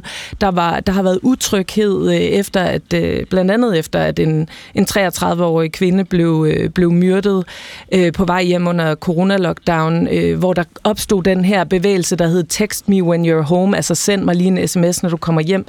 Hvilken rolle tror du, det spiller, at Tube Girls videoer foregår netop i metroen i det her offentlige rum? Jamen, jeg tror, det spiller da helt øh, klart en rolle. Nu er hun er jo også en kvinde, øhm, og det, er jo, det dykker ned i en del af den samtale om at ligesom øh, frigøre kvinden for det, vi normalt ser hende som. Det er jo et eller andet, der er jo enormt en, noget frihed i at danse, og hun står der, og hun gør det, og igen, der er sådan noget power omkring det, og ture at gøre det. Jeg tror ikke nødvendigvis, at det har været og der er nok ikke noget af det her, og det er jo også en del af det, der gør det autentisk. Der har været en bagtanke for Tube Girl, men, men det er jo helt klart, at det går ned i sådan et øh, kvinde power øh, movement, hvor at man siger, det gør jeg, nu gør vi det altså. Mm. Øh, og vi står der, og, og man kan sige særligt, som du også siger, i Londons metro, som virkelig, øh, kan man sige, har været, og som, som vi nok alle sammen har oplevet, har været og er øh, for mange kvinder et utrygt sted. Mm. Tak for at fortælle, øh, Anna Bertha Heris Christensen. Selv tak. Ph.D. og ekspert øh, i influent markedsføring fra CBS. Og det var øh, sådan cirka og lige være næsten vores første Pit Morgen Team den her lørdag morgen formiddag. Vi har jo som altid en time mere. Vi sender frem til klokken 10, hvor vi blandt andet skal forbi øh, Kongehuset. Nemlig ny måling. Men det er altså øh, efter radioavisen, som kommer her. Klokken er 9. Og lad os da bare øh, fortsætte der, hvor radiovisen slap sådan cirka, nemlig med en øh, nyhed, der jo ikke rigtig er en nyhed. Et resultat af en meningsmåling, der dårligt kan komme bag på nogen, der følger lidt med i, hvad der bliver sagt og skrevet om de kendte og de kongelige. Vi har undersøgt det, jeg har undersøgt, hvad danskerne mener om kongehuset. Ja, 84 procent er positivt stemt over for både dronning Margrethe og kronprins Frederik. Til gengæld er begejstringen for prins Joachim noget mere afdæmpet. Vi ser på tallene og hvad de er et udtryk for i den her time af P1 Morgen. I studiet anne Christine Hermann og Ole Brink. Krigen fylder meget i mediebilledet og i de flestes bevidsthed i de her, den her tid. Ja, krige, kan man sige. Der er flere øh, i gang samtidig. Men øh, de der fredsbevægelser, der for få år tilbage kæmpede og demonstrerede for at stoppe krig i verden, ja, de findes ikke rigtigt i dag. Nej, men hvorfor egentlig ikke? Der er jo nok af krig, som du siger, at forholde sig til, og nok af fred at kæmpe for. Vi taler med en af dem, der var med i fredsbevægelserne i 1980'erne, om forskellen på den gang og nu, hvor det hele er, som hun siger, blevet meget mere komplekst. Lyt med om en øh, god halv times tid. Debatten om aktiv dødshjælp er blusset op igen efter sagen om øh, Prejslerparet 81-årige Ebbe Prejsler blev jo forleden sigtet for at have dræbt sin kone Marian Prejsler øh, natten til onsdag ved at have givet hende 8 dobbelt, en 8 dobbelt dosis af det stærkt smertestillende lægemiddel metadon. Marian Prejsler var 80 øh, år og led af Parkinsons sygdom i mere end 20 år, men debatten om aktiv dødshjælp er startet lang tid før det, da, Mette sta- øh, da statsminister Mette Frederiksen holdt åbningstale på folkemødet på Bornholm, ja, så var et af de store emner i hendes tale nemlig en såkaldt værdig død. Det handler om værdighed i den sidste tid i livet. Hvordan rammerne for den sidste tid som menneske skal være. Og hvor meget vi mennesker selv skal have lov til at bestemme, og hvornår. Ja, Mette Frederiksen gjorde i samme tale klart, øh, hvor hun står i forhold til spørgsmålet om aktiv dødshjælp. Jeg ved godt, det her er en svær debat. Og jeg er også opmærksom på, at for eksempel det etiske råd af flere gange har udtalt sig imod. Selv har jeg det helt anderledes. Ja, siden da er der kommet flere bølge, bølgeskvulp, når det gælder debatten om aktiv dødshjælp. 4. oktober kom Etisk Råd med sin seneste anbefaling angående aktiv dødshjælp, og det blev igen et klart nej. Hele 16 ud af rådets 17 medlemmer mener ikke, at man bør indføre aktiv dødshjælp i Danmark. Med os nu har vi Peter Ingemann Nielsen. Velkommen.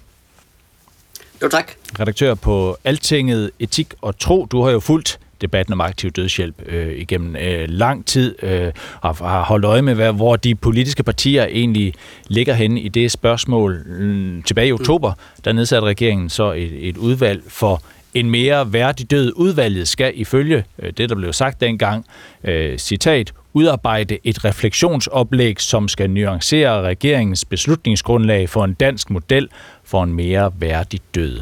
Øh, det her udvalg de skal så komme med deres vurdering af sagen i, ja, i løbet af efteråret øh, 2024, altså om et, et lille års tid, sådan, sådan cirka. Men som det ser ud i dag, Peter Ingemann Nielsen, findes der så egentlig, når vi ser på det rent politisk, findes der et politisk flertal for at indføre aktiv dødshjælp i Danmark?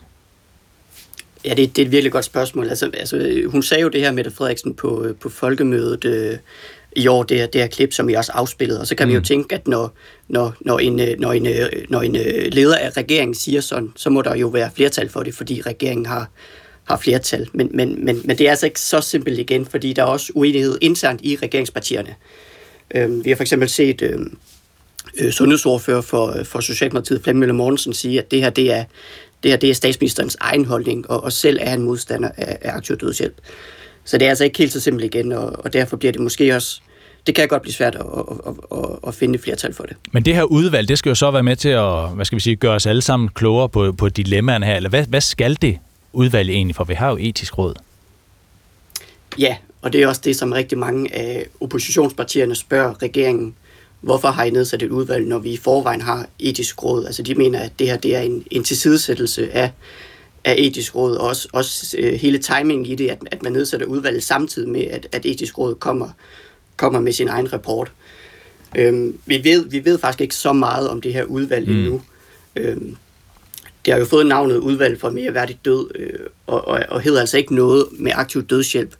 Og det er måske også en pointe i sig selv, at, at det her udvalg skal arbejde med øh, bredere med døden, og, og ikke, bare, ikke bare kun fokusere på, på dødshjælpen. Mm. Øh, og vi ved også, øh, Katrine Lillør, som er formand for udvalget, har sagt, at, at det her udvalg skal ikke sætte to streger under noget. Altså det kommer ikke, det kommer ikke med, en, med, med, med, øh, det kommer ikke med nogen, med nogen klar øh, konklusion. Øh, så, så det er lidt svært at finde ud af, hvad det er, vi kan forvente os af, ja. af det her udvalg. Øh, men jeg tror ikke, vi Men... kan forvente, at, at udvalget øh, til efteråret næste år bare siger, øh, nu skal vi have aktiv dødshjælp i Danmark. Det tror jeg ikke. Og det er jo også en politisk beslutning, og vi har så en statsminister, der siger, at jeg er tilhænger af aktiv dødshjælp. Du siger, at der er så internt i regeringen, er der forskellige holdninger også. Hvad når vi kigger på oppositionen? Hvor står den i det her spørgsmål? Øh, ja, de, de, har ikke, de har ikke meldt så meget, øh, meldt så meget ud endnu. Øh, vi ved, at øh, er imod. Og så er det jo sådan med de her svære etiske spørgsmål, at, at så bliver MF'erne jo ofte, jo ofte fritstillet, når, når de en dag skal til, øh, skal til afstemning, og det kunne man også sagtens forestille sig, at, øh, at de gør i den her sag. Så det vil sige, hvis, hvis de eventuelt en dag skal stemme om, om aktiv dødshjælp nede i, nede i Folketingssalen, øhm, så kan vi sagtens øh, se et, et scenarie, hvor, hvor det ikke er partierne, der stemmer ens, men, men hvor det er hvert folketingsmedlem, der stemmer efter egen overbevisning. Mm. Øh, vi ved for eksempel allerede, at øh, Liberale Alliance har tænkt sig at, at, at, at fritstille deres folketingsgruppe, og at øh, konservative sandsynligvis også gør det. Øhm, ja. Og det, og det er jo noget, det har været diskuteret i mange år. Har det egentlig nogensinde været, har der været en afstemning i Folketinget om det? Nej, det har der ikke. Øh, der, er jo, der er jo et borgerforslag om aktiv dødshjælp, som har, som har opnået de her 50.000 øh, underskrifter, som jo derfor har været i Folketingssalen. Ja. Men det er jo så med de her borgerforslag, at de bliver jo ikke, øh, altså de, de bliver jo ikke vedtaget en til en. Så det er, jo, det er jo en måde at starte en debat på, men det er jo ikke noget, der sådan skal, skal vedtages som sådan. Så det har faktisk aldrig øh, været til afstemning. Og det er jo også en, et point i sig selv, at, at det, er, altså, det er ikke noget, vi diskuterer, øh, vi diskuterer hver dag, det her, og det er, og det er svært. Også fordi aktiv dødshjælp er jo ikke bare én ting. Der, der findes jo mange, mange modeller for det. Ja, og nu har vi så oven i det hele, nu har vi så lige fået den her sag med, med Prejslerparet. Tror du sådan en sag, rykker den, kan den rykke noget ved debatten? Øh, vi ser i hvert fald hver gang, der er de her øh, Øh, enkeltsager, at, at det er noget, der får debatten til at rulle. Det var også det, der skete øh, dengang, der var øh, den her DR-dokumentar med, med Preben, der valgte at tage til Belgien for, for at modtage dødshjælp. Øhm, men, men altså generelt skal man jo passe på med at, at udvikle politik ud fra enkeltsager, og, og formanden for etisk råd, øh, Leif Vestergaard Pedersen, har også sagt, at, at det er jo meget nemt at forestille sig tilfælde, hvor, hvor, hvor det lyder som den rette løsning at, at give dødshjælp til nogle personer. Og det kunne den her sag med, med, med det her mm. ægtepar på Frederiksberg jo være, øh, være, være, være, det, være tilfælde af. Men, men der er jo også tilfælde, hvor det, hvor det ikke er lige så simpelt, og det er jo så de her, de her grænsetilfælde, der gør, at, at etisk råd ikke anbefaler at, at indføre aktiv dødshjælp. Sagde Peter Ingemann Nielsen. Tak for at være med os. Det var slet. Redaktør på Altinget Etik og Tro. Ja, som tak, så er samtalen om, øh, om aktiv dødshjælp jo netop blusset op igen efter sagen om Prejslerparet øh, Ebbe Prejsler, som altså bliver fremstillet i grundlovsforhør øh, formentlig her om en tre timer. Øh, han er sigtet for at have dræbt sin kone Marianne Prejsler efter at have givet hende den her otte dobbelte dosis af stærk smertestillende øh, medicin, metadon. Hun var 80 år, hun led af Parkinsons øh, sygdom. Godmorgen til dig, Ole Hartling. Ja, godmorgen. Tidligere overlæge og også tidligere medlem af Lægeforeningens etiske udvalg og også tidligere formand for det etiske råd. Du har beskæftiget dig med diskussionen om aktiv dødshjælp i mange år, og skrevet bogen Aktiv dødshjælp kan vi mere end vi magter fra 2015. Øh, og du har markeret dig som tydelig modstander af det her. Hvad tænker du, når du ser en sag som den her om Prejslerparet? Der er jo ikke tvivl om, at øh, Prejsler har handlet af, af kærlighed. Det tror jeg ikke, der er tvivl om. For, Fortvivlelse og kærlighed. Men det er noget andet at indføre en lov. Man kan jo ikke sige, hvis der er 80% kærlighed i en paragraf sådan og sådan, så må man godt. Man kan jo ligesom ikke lovfæste det på den måde, øh, en, en så personlig ting. Øh, der, der vil kunne komme andre dagsordner ind. Øh, hvad gemmer der sig bag den hvidkittlede persons øh, dagsorden, som måske ikke er i overensstemmelse med patientens dagsorden? Vi siger jo tit, at vi behandler kæledyr bedre. Dem slår vi ihjel, når, når, de, øh, når de er tjenlige til det. Men det er jo, vi slår dem jo også ihjel, fordi vi er trætte af, at de er begyndt at tisse på gulvet. Og at der er så mange andre ting, som kan spille ind. Og så jeg er bange for at læge patientforholdet her, hvis man og med, med et udtryk ikke bliver på livets side, men pludselig kan gå over på den anden side. Mm. Ja, som så loven, en lov er noget andet end disse øh, sjældne, enkelte, øh, fortvivlede tilfælde, som ikke skal danne grundlag for en generel lov. Det, det er en almindelig kendskærning inden for US retsvæsenet, mm. at man skal ikke lave en lov ud for noget sjældent. Det er meget sjældent, det her. Ja, ja som, som læge, så, så, så nævner du her læge-patientforholdet, men du har jo også selv haft spørgsmålet om aktiv dødshjælp tæt inde på dit privatliv. Øh, din kone Katrine var i 2012 dødelig syg, og hun ville egentlig gerne have aktiv dødshjælp, men endte med ikke at få det. Hvorfor? Ja, altså hun, hun var virkelig træt. Hun var i dialyse og havde kun oaser af velbefindende mellem dialyserne var udtrættet, og hendes krop var ubarmhjertig ved hende. Og hun siger så en aften til mig, at jeg kan jo slutte det ved at lukke op for mit blodkateter, så vil jeg langsomt falde i søvn. Og så siger hun næsten uden ophold, nej, når du ser sådan på mig, vil jeg ikke gøre det. Og hvad er det, der sker her? Der sker det, at jeg jo bliver forfærdet over tanken om at skulle adskilles fra hende. Og så giver det hende formentlig, jeg tror sådan set også, hun fortæller mig om sin plan for at se reaktionen. Jeg kunne jo godt have sagt, det havde da også været ansvarsbevidst og rationelt. Jamen, du har det også. Jeg skal nok være hos dig og holde dig i hånden, når det sker. Det havde jo sådan set også lyttet meget pænt. Men sådan kunne jeg jo ikke sige. Og det, det vil sige, at der kommer i de enkelte situationer nogle helt andre forhold ind. Betyder jeg noget endnu? Må jeg være i fællesskab? Må jeg være i livet endnu? Og derfor tror jeg, at mange patienters eventuelle råb, nu er det meget sjældent, man hører det i Danmark, fordi muligheden ikke er der, det er en pointe i sig selv. Men når de enkelte gange siger det, så er det også for at sige, se, jeg har det slemt. Hvad siger mm. du så? Mm. Må jeg være her endnu? Og derfor er det jo et tilbud i læge-patientforhold, at man siger til patienten, vi skal gøre alt for dig. Vi er hos dig. Vi er også være der, hos dig her, hvor det er svært og i magtesløshed. Men vi bliver på livets side. Det tror jeg i, i sidste ende er en beroligelse, både for patient og for lægen. Men børnene... Begge, i... begge roller. Mm. Børnene ja. i, til Prejslerparet her, de kalder deres fars gerninger for en kærlighedserklæring til deres mor. Men det var altså ikke sådan, du så det på det, da din, øh, da din kone Katrine talte om en lignende øh, udvej på livet.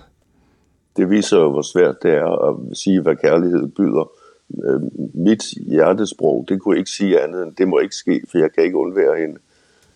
Men fornuftsproget kan jo sagtens, eller kærlighedssproget kan jo også være, nu, nu skal det slutte det her, nu skal hun af krogen, nu skal hun slippe for mere. Mm. Så jeg, man kan jo netop ikke sige, hvor kærlighed vil bevæge en hen, og, og, og det er jo det, som en lov aldrig vil kunne tage højde for, disse nuancer.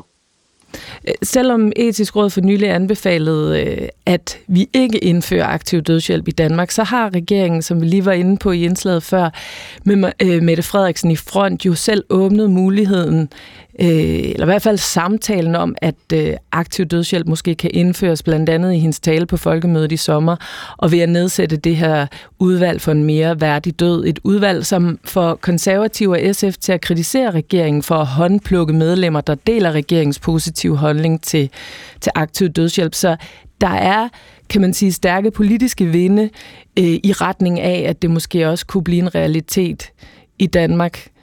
Hvad ja, tænker du om altså, det? Jeg, jeg tænker, at man har en forblændelse af, at vi har, vi har sådan en såkaldt autonomibegejstring, altså en begejstring for, at vi har selvbestemmelse i alle livets forhold. Men der er det særlige her, at man gør folk fri til at vælge det her, men så bliver de heller ikke fri for valget. Så hvis muligheden skabes lovfæstet, så skal man jo i de situationer, hvor alt taler for det, patienten selv har det slemt, og omgivelserne vurderer, at det er slemt, så skal man jo også til at tage beslutninger om det. Og det valg, jeg tror faktisk, at det er der nogen, der gerne vil slippe for. Og hvis man siger det til en som Preben Nielsen, nu får du valget, øh, nu er loven der, så er det svært for ham at have mod til at vælge livet. Fordi så mange udefra siger, jamen du har det jo forfærdeligt, du kan jo ikke engang gå. Altså der kommer disse domme ind over vores medmennesker, og det, og det er alle de der nuancer, som etisk råd har fået yep. med i deres udrulling, hvor jeg mener, at Mette Frederiksen læner sig op, hvad hun også gjorde i talen, af et enkelt tilfælde. Hun havde fået en mail osv. Disse enkelte tilfælde, de skal ikke bestemme loven. Det er for farligt. Og sådan kan man jo godt se det, Ole Hartling. Man kunne også se det som, at valget er en gave. Altså, at valget er en ret, at valget er noget, ja. vi som enkelte personer har ret det til synes, at have. Det, det, det, det synes omgivelserne altid. Du skal have den gave at kunne vælge det her. Altså, det er jo omgivelsernes vurdering. Øh, Men vi er jo alle sammen omgivelserne. Synes jeg, der er altså, vi er jo alle sammen mennesker i det. her samfund, der kan komme i den det situation. ja, det kan jo ikke benægte. Og jeg kan jo ikke være så håndfast at sige, at jeg aldrig kunne drømme om at vælge den kærlighedsudvej. Men, men det er noget andet end at, end at få en lov, som ligesom institutionaliserer det og gør det til den hvidkittlede her af dem, der afliver patienterne, når, om, når omgivelserne og, og patienterne taler for det. Så der er så mange nuancer i det, som man slet ikke får med i sådan en åbningstale ved et folkemøde. Et argument, som flere jo også bruger, det er øh, altså for aktiv dødshjælp, at, at vi har brug for retten til at dø, fordi lægevidenskaben er blevet så god til at holde os i live. Og som sagt, så er du tidligere overlæge selv. Er det ikke et validt argument i dine ører? Nej, det er det faktisk slet ikke. Man talte også allerede for 100 år siden, hvor vi slet ikke havde den teknologi om aktiv dødshjælp. Det har været debatteret i århundreder i virkeligheden. Og dengang sagde Chesterton meget rammende, han er jo forfatter og, og filosof, han sagde, jamen for tiden er det da et spørgsmål om at hjælpe den herfra, som er til besvær for sig selv. Men med tiden bliver det et spørgsmål om at hjælpe den herfra, som er til besvær for andre. Mm. Så det her, det er et spørgsmål om motivforskydning, der kan ske. Og det er et spørgsmål om, det er et spørgsmål om magt i virkeligheden. Det er det også i vores dage. Når vi ikke længere har magt til at holde døden væk, så vil vi i hvert fald have magt til at bestemme, hvornår. For det efterlader lidt magt i den magtesløshed, som det moderne menneske har svært ved at se i øjnene. Tak for at være med os, og også tak for at dele din personlige erfaring med os, Ole Hartling. Selv tak. Tidligere overlæge og også tidligere medlem af Lægeforeningens etiske udvalg og formand for Etisk Råd.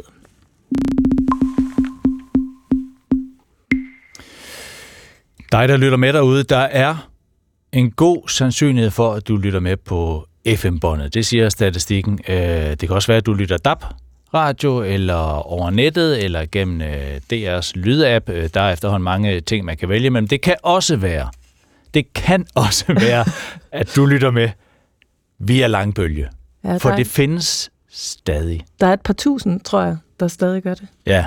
Øh, DR har en antenne i øh, Kalundborg, øh, som sender på den her øh, gammeldags langbølgeradiofrekvens 243 kHz. Men det er altså kun øh, lidt i nutiden er løbet fra den 96-årige gamle sender, øh, Kalundborg-senderen, øh, der bliver slukket i morgen aften, når øh, 2023 bliver til 2024. Ja, og hvis du er en af de lyttere, der måske ikke lige kan genkende øh, Kalundborg øh, langbølgesender, når vi siger den titel, øh, ja, så kan det være, det her måske siger der noget.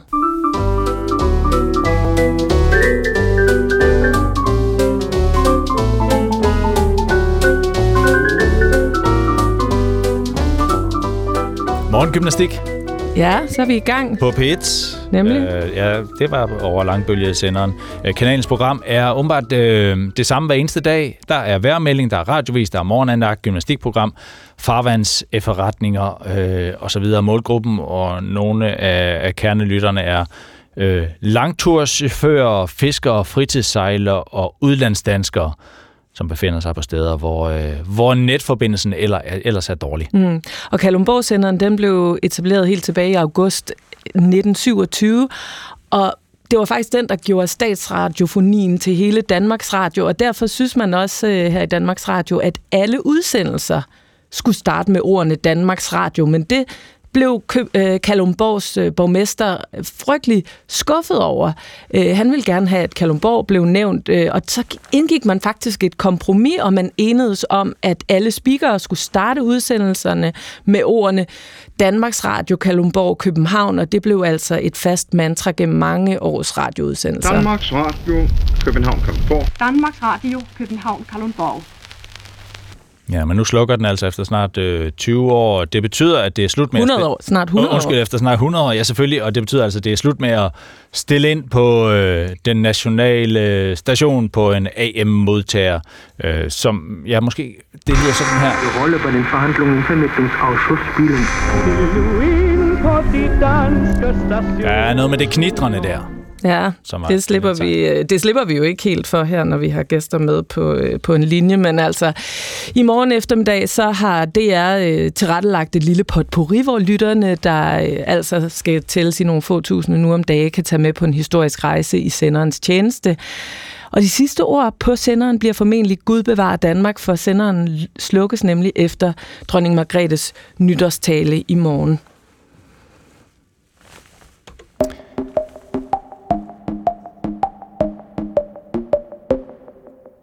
Vi skal til Israel, til øh, krigen dernede. Der har jo siden Hamas' terrorangreb den 7. oktober været fokus på, hvad der egentlig sådan helt præcis skete der under angrebet den 7. oktober. Øjenvidner i Israel har sagt det længe, og en undersøgelse fra New York, The New York Times, mediet New York Times har nu slået fast, at der under angrebet 7. oktober blev foretaget flere ekstrem voldsomme seksuelle overgreb på kvinder, der var til stede på, på festivalen i, øh, i Israel. Allan Sørensen, mellemøstkorrespondent for Kristi Dagblad. Velkommen. Tak skal I have. Hvad er det for nogle beretninger, man hører om, hvad der skete der 7. oktober ved Hamas' angreb? Det er hårdrejsende og, og meget, meget detaljerede øh, beretninger fra øjenvidner, som New York Times har øh, talt med, og som de så øh, lægger frem i en, i en meget grundig øh, artikel. Øh, altså seksuelle overgreb, øh, voldtægter, af øh, israelske øh, kvinder, øh, der den 7. den 7. oktober. Øhm, og, og de er simpelthen, altså beskrivelserne er virkelig hårde. Øhm, der, det bliver blandt andet beskrevet, hvordan øh, Hamas øhm, øh, skærer øh, lægemsdele af de her øh, kvinder og dræber dem, mens de voldtager dem. Øh, altså virkelig hårde scener, der beskrives. Øh, men det, der også kommer frem, er, at at det er, øh, det er systematiske overgreb. Det er ikke kun noget, der finder sted et sted. Øh, de samme beskrivelser går igen på flere forskellige øh, steder, ikke kun til festen mm. der, men også i de israelske kibbutzer. Og det er, øh, altså, det er sådan det mest vigtige, der kommer frem af, af den her meget dybe undersøgelse, som øh, New York Times har, har foretaget. Ja, det, men det er jo tre måneder siden. Hvor, hvorfor kommer konklusionen først nu? Øhm, af flere grunde. Øhm, i, altså israelerne har vidst det hele tiden, altså faktisk allerede fra eftermiddagen der den, den 7. og især i dagene efter øh, angrebet.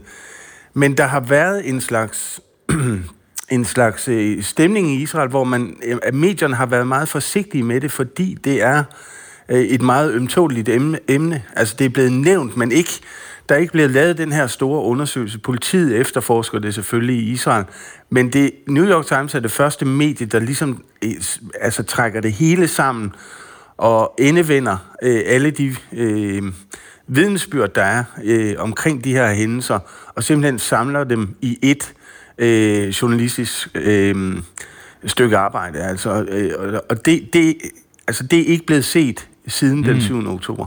Nej, så når jeg synes, at jeg jo har hørt, set det før, så har det været sådan, det har været løsrevne øjenvidner og folk, der sagde, prøv at se, det var det her, der skete, og jeg har det her billede, men det har aldrig været samlet som et samlet billede af, hvad det egentlig var, der skete. Ja, det er rigtigt. Altså, det, det har været brudstykker her og der. Et, et enkelt vidne har været ude og sige noget til et enkelt medie, og det er så blevet refereret i andre medier. Men her, og det, det er et kæmpe arbejde, altså jeg, jeg, jeg så et interview med Anat Schwartz, som er en af de øh, researcher, der har været med øh, øh, til at samle det her materiale. Og de har altså, altså de har interviewet hundredvis af israelere, både i politiet, men også øjenvidner, og i den israelske hær, og de har, de har samlet, øh, altså de har set på alt muligt bevismateriale, og har tjekket det igen og igen. Og hun oh, der røg linjen. Mere end de 30 øh, hændelser, som I nævner. Og, og der siger hun, jo, det er der givetvis, men, men vi har ikke kunnet bevise flere end, end de 30, som New York, mm. New York Times selv nævner. Ja, der var et lille udfald, Allan. Vi fik det meste med, heldigvis. Øhm, hvor meget fylder det nu i de her dage i Israel?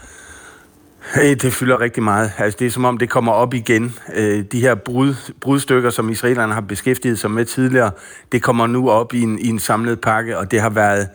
Øh, det, har, det fyldt hele mediefladen i går, og, og bliver stadigvæk beskrevet i, i dag. Og der er også det, der sådan ligesom er koblet på den israelske udlægning af det her, det er, det er frustrationen over, at øh, FN og, og øh, kvinderetsorganisationer, at de simpelthen har været så tøvende, øh, fordi alle har vidst det.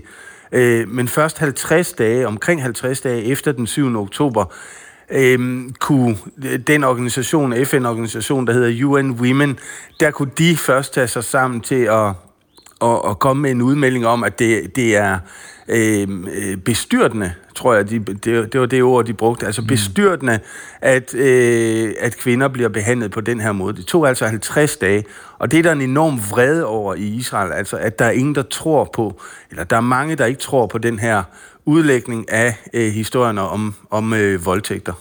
Men nu er beviserne i hvert fald samlet af øh, The New York Times. Øh, Allan Sørensen, tak for det. Det var så lidt. Mellemøstkorrespondent for Kristelig Dagblad. Åh, oh, det var den forkerte lyd, der kom på der. Det beklager jeg. Vi skal videre til en ny måling foretaget af Opinion for DR, der viser stor opbakning til det danske kongehus. 84 øh, procent af danskerne er faktisk stemt positivt, øh, stadigvæk kan man måske sige, øh, over for både dronning Margrethe og kronprins Frederik. Ja, ja. det er pænt højt tal. Jeg var lige at se målingen. De bliver faktisk slået af en i kongehuset, de to. Ved du, hvem det er? Nej. Det er Mary. 85 procent ah, okay. er positivt stemt over for kronprinsessen. Er det ikke inden for sådan fejlmarken, den der 1 procent? Jo, jo, men, men, øh, men nok til en sejr, vil jeg mene. Velkommen til dig, Cecilie Nielsen. Tusind tak. Du er DR's øh, historie- og kongehus-korrespondent. Overrasker de her tal dig? Nej, det, det gør de som sådan ikke. Altså, vi har i en årrække godt vidst, at den her øh, generelle opbakning til at bevare monarkiet har ligget på de her omkring 70 procent, og det har den gjort meget, meget, meget længe, og det gør den stadigvæk. Vi har også godt vidst, at dronning Margrethe er uhyre populær. Altså, det er nogle ekstremt høje tal, de her. Øh, det, der man kan sige, der er sådan lidt fascinerende ved det, det er, som I siger, at øh, ikke kun kronprinsen, men altså også kronprinsesse Mary ligger helt op på samme niveau. Og det er rigtigt, det kan godt være, at hun teknisk set i måling har 1% mere, men det er altså inden for den her usikkerhed. Så vi er nødt til bare at se dem som en samlet gruppe. De ligger lige højt, de her tre mennesker. Og man kan sige, det er jo egentlig ret fascinerende, fordi når vi kommer til kronprinsparet, så har der jo været forskellige historier i de senere år, som måske ikke har været sådan 100% positive. Ja. Der var sager med Herlufsholm. For nyligt har der også været den her øh, spanske sladderblad, der har bragt billeder af det kronprins i Madrid, som sat gang i en masse spekulationer og rygter. Ja. Øhm, og, og de her ting kunne man jo godt forestille sig, at det ville have sat øh, gang i en, øh, en lidt andet udfald af en måling, men det gør det simpelthen ikke. Ja, lad os lige dvæle lidt ved det sidste der. I november, der var der statsbesøg besøg fra det spanske kongepar, og under besøget offentliggjorde et spansk øh, ugeblad, altså en række billeder af kronprins Frederik og en kvinde sammen i Madrid, og også flere danske medier øh, bragte historien, som satte gang i en masse spekulationer og rygter om en angivet, angivelig affære mellem de to. Men det, siger du så, det har ikke øh, tilsyneladende påvirket danskernes holdning til kronprinsen, eller hvordan? Nej, altså det er simpelthen ikke det, jeg ser. Jeg skal huske at sige, at vi har ikke en øh, direkte sammenlignelig måling på ham fra før det her tidspunkt. Øh, så den kan jo teknisk set godt være faldet, men jeg vil umiddelbart vurdere, at det er relativt usandsynligt at øh, tro, at man kan være meget højere op end de her ja, 4-85 procent i øh, popularitet, altså danskere, der, der sådan positivt er indstillet over for kronprinsen. Og jeg tror at det simpelthen, det handler om, at danskerne faktisk øh, altså virkelig er bakker op om monarkiet. Så selv øh, sager som dem, vi har været vidne til, de kan altså ikke øh, ligesom rokke ved det her. Vi er nødt til at erkende, at øh, danskerne vil rigtig gerne det her kongehus, øh, og det viser den her måling igen og igen. Ved vi noget om, hvorfor danskerne er så vilde med kongehuset? Altså, hvad er det for en funktion, man synes, det udfylder? Jeg tror, noget af det, som øh, man kan sige, populariteten og hele det her, det, det hænger for mig at se også rigtig meget sammen med, hvor lang tid dronning Margrethe rent faktisk har siddet på tronen. Vi er nødt til at tilskrive en del af den her popularitet hende. Vi nærmer os de 52 år nu, øh, og det betyder jo, at der er rigtig, rigtig mange af os, som simpelthen ikke kan huske, at hun øh, ikke har været statsoverhoved i Danmark. Og når man ikke har prøvet noget andet, så er det meget svært at forestille sig noget andet, og det må give en vis afsmitning. Så vi er også nødt til at snakke om, at hun er faktisk enormt dygtig til at forvalte det her med at være kongelig. Øh, det at være kongelig, det er en lang balancegang mellem at være sådan ophøjet elitær, og så være meget folkelig. Og øh, det kan dronning Margrethe. Danskerne ser hende både i diademer og balkjoler, men altså også spise hotdog og i regnfrakke. Øh, så på den måde så har hun ligesom de her ting, og det ser ud til, at den her popularitet nu er ligesom er lykkedes med at blive smittet over på kronprinsfaret. Og det er virkelig øh, en ret god bedrift, når man kigger på den situation, som kongehuset er lige nu. Fordi hvis vi kigger på, hvad der er, der kommer inden for ja, en udefinerbar antal årrække, så må det være tronskifte af helt naturlige årsager. Mm. Så det danske kongehus har i en årrække nu arbejdet frem mod tronskifte. Det er det, vi også har været talt om som et slankere kongehus. Det resulterede i en titelkrise, som vi også kan se udtrykt i målingen. Alt sammen for at ligesom gøre klar til, at næste geled skal. Og der, hvor kongehuset så for alvor overpræsterer i den her måling, det er, det er jo ikke kun af kronprinsparet, der står helt abnormt flot. Det er faktisk også prins Christian. Øh, han ligger på en, øh, altså han har fået opnået 74 procent. Til sammenligning så har øh, kongen, øh, mm. kong Charles i England præsteret en måling på 54 procent, og det blev udlagt som positivt. Skal, skal vi nå lige prins Joachim også? det kan vi godt. Altså, der er 43 procent. Ja. Han ligger lavest i målingen. Der er positivt stemt over for prins Joachim, og det er jo mere end Mette Frederiksen. Kan man sige. Altså, jeg men, tror, men, du roligt kan regne med, at der er øh, rigtig mange politikere, der vil være meget lykkelige for prins Joachims ja. måling. Men det er jo ikke den skala, vi måler ham. Nej, vi måler ham det jo sammen med, med, med Bormand og med ja. øh, mor. Ja, det gør vi. Så hvor, hvorfor... Øh... Jeg tror, det er et udtryk for den her titelkrise, der var, da vi så de sidste rester af den tilbage i, i januar måned i år, men ellers så var det noget, der foregik, ja, omkring samtidig sidste år, som vi er nu. Øh, og det handler simpelthen om, at øh, det der på det tidspunkt så ud til at være noget, da danskerne faktisk var relativt sure på dronning Margrethe over, ser ud til at i virkeligheden har haft det resultat, at, at Joachim ikke præsterer helt lige så godt i den her måling. Øh, så øh, det jeg grundlæggende ser, det er altså en dansk befolkning, som bakker utrolig meget op om kongehuset, som er virkelig glad for dronningen og kronprinsparet, og som ydermere har nogle ret altså gode forståelser for nogle meget grundlæggende principper i kongehuset. Så øh, det må være et meget glad øh, kongehus, vi har i dag. Lige her til sidst, øh, en af kongehusets opgaver er jo dronningens nytårstale øh, hvert år. Øh, det er jo så i morgen aften. Hvad tror du, budskabet bliver i år? Jeg beskæftiger mig rigtig meget med fortiden og med, hvad der sker lige nu, men fremtiden, den er altså ikke, det er ikke det, der er min spidskompetence. Så, så der tror jeg bare, at jeg vil sidde i spænding og, og se, og jeg er selv med til at kommentere på den derinde, så, så jeg kan jo fortælle dig det i morgen. Er du en af dem, der drikker en tår champagne, når hun laver en, en fejl i forhold til underteksterne? Eller er det bare hjemme hos mig? Nej, okay. Det, det, det ved jeg ikke. Det, det lader jeg, vi være usagt. Jeg har ret meget på arbejde, når hun taler, så på den måde, så, okay, så koncentrerer jeg mig det vil, være pænt upassende. Tak for besøget, Cecilie Nielsen. Selv tak. Det er jeres historie- og kongehuskorrespondent.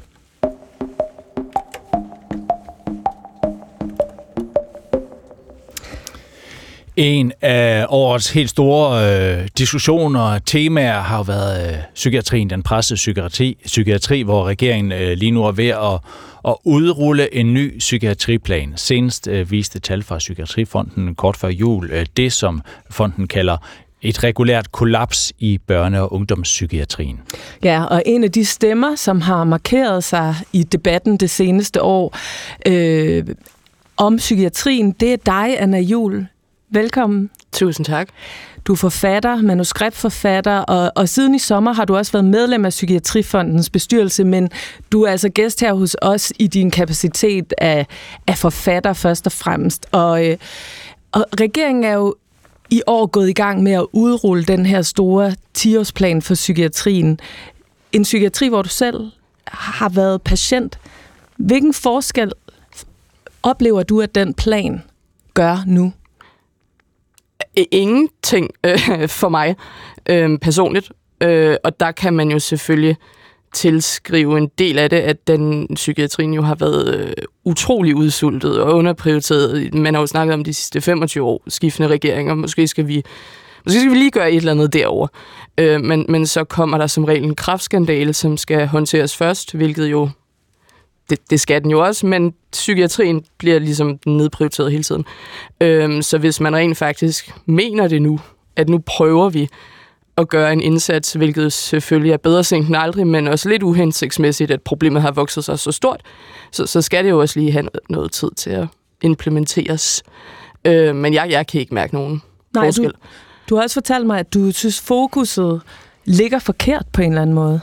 Mm, ikke nødvendigvis forkert, men jeg oplever faktisk ikke, at vi har snakket specielt meget om psykiatrien øh, det seneste år. Jeg oplever, at vi har snakket rigtig meget om mistrivsel, særligt blandt øh, børn og unge. Jeg kunne især mærke det med de ting, jeg blev inviteret til at tale om på for eksempel folkemødet, øh, som jo var, hvad gør vi med trivselskrisen? Og det, jeg synes var enormt interessant, var, at der faktisk ikke rigtig var nogen, der var i stand til at forklare mig, hvad mistrivsel dækker over. Øhm, jeg kunne ligesom forstå, at man under paddehatten mistrivsel både taler om forbigående mistrivsel, svær mistrivsel og egentlige diagnoser øh, nogle gange også.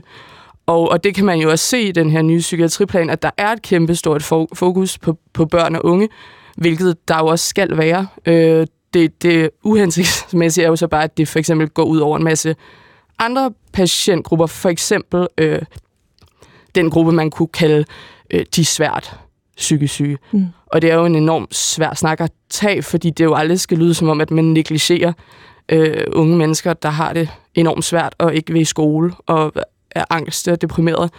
Øhm, så det er egentlig pointen er mere, at det er to meget forskellige ja. ting, vi taler om. Og nogle gange synes jeg også, det kan være underligt at stå i et panel, hvor, hvor jeg snakker ud fra min egenskab af at være relativt svært psykisk syg, øhm, med nogen, der for eksempel kæmper med eksamensangst. Og begge dele kan jo være det værste vedkommende, eller jeg har oplevet.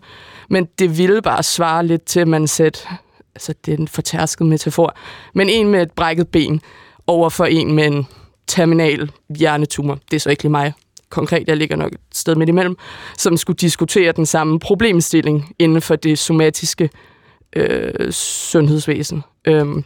Hvorfor tror du, at, øh, at fokuset er så stort på, på unge i mistrivsel, og ikke er større på, på de svært psykisk syge, som du siger? Øhm, simpelthen fordi det er nemmere, tror jeg, at sympatisere med et ungt menneske i smerte. Altså, øh, når jeg har været indlagt på psykiatriske afdelinger, altså det er jo ekstremt udadreagerende patienter, som typisk også er misbrugere. Øhm, sidste gang, jeg var indlagt på en åben afdeling, der var jeg blandt andet indlagt med en, med en kvinde, som bare altså, konstant snakkede om metadon og gallesten på mig, hvor jeg bare sad der og til sidst rejste mig, og så hun havde slet ikke lagt mærke til, at jeg sidde der. Altså, så det er også mennesker, som ikke ville kunne være ude i det rigtige samfund, fordi de forstyrrer ordenen. Mm. og det er nok derfor, at, at mine oplevelser på de psykiatriske afdelinger stadigvæk har været, at det primært er en opbevaringscentral for folk, man synes forstyrrer ordenen. Og der har jeg egentlig, altså de, de fleste har jo børn, øh, og de fleste tror jeg kan sætte sig ind i, hvor forfærdeligt det må være øh, at se sit barn i smerte, men de fleste, der er pårørende til de svært psykisk syge, synes jo også, det er enormt svært. Mm. Øh, og, og det du siger, Anna, det er så, at, at vi synes måske, vi tager diskussionen, fordi nu diskuterer vi en masse mistrivsel, men vi tager ikke diskussionen rigtigt. Jeg vil i hvert fald sige, at jeg tror 100% at, at der er kommet mindre stigmatisering med, med nogle af de lidt, det er lidt åndssvagt ord, men, men mildere diagnoser, såsom mm. angst, depression, ADHD, til en vis grad også autisme. Øhm, jeg oplever ikke, der er sket noget som helst i forhold til, hvordan jeg bliver mødt i min egenskab af at være skizofren, for eksempel. Det sker, altså, det sker stort set altid, hvis jeg får en ny relation af den ene eller den anden art, at vedkommende kommer efter nogle måneder og siger, ved du hvad, i starten var jeg faktisk rigtig bange for dig, og jeg var sådan lidt i tvivl om, sådan, jamen, åh, skulle jeg sådan gå ind i det, eller, men så viste det sig, at du faktisk var rigtig sød, eller det føltes helt normalt. Og jeg vil jo gerne, altså hellere være sød end skizofren. Problemet er, at de to ting bare ikke behøver at udelukke hinanden. Og det er røvsygt at blive mødt på den måde, som sådan en kæmpe kamel, andre mennesker skal sluge. Øhm, så helt sikkert afstigmatiseringen på de, de diagnoser, der jo er flest, der får, så det giver jo god mening. Men jeg tror ikke, at det er blevet på nogen måde nemmere at være gallestens og metadondamen, end det var for 20 år siden. Øh, og du har jo så i dit forfatterskab givet læserne et indblik i den virkelighed, det er for eksempel at være indlagt på en, en psykiatrisk afdeling. I starten af i år, der udgav du den meget roste roman Superskurk om dine egne oplevelser som indlagt øh, på psykiatriske afdelinger. Et portræt af psykiatrien, som jo faktisk rystede rigtig mange læsere. Hvad var det for nogle oplevelser, du trak på i bogen? Altså, det, det jeg tror sådan, det var egentlig ikke overlagt, at, at den bog skulle ende med at blive sådan en, et indspark i debatten. Jeg synes, det er glædeligt, at den blev det. Øhm, men jeg tror, for mig oplevede jeg, at folk, og med folk mener jeg alle dem, der ikke har set indersiden af en psykiatrisk afdeling, eller hvad patient i det der meget lidt velfungerende system i 15 år, øhm, at, at man simpelthen ikke ved, hvad man snakker om. Altså, og man lidt glemmer, at mennesker dør af det her og at statistisk set, altså hvis ikke jeg var så ressourcestærk og velfungerende, som jeg er, så kunne jeg jo forvente at dø 7-10 år tidligere end andre kvinder. Øhm, og at der jo stadigvæk er tre gange så mange, der begår selvmord om året, end som der dør i trafikken.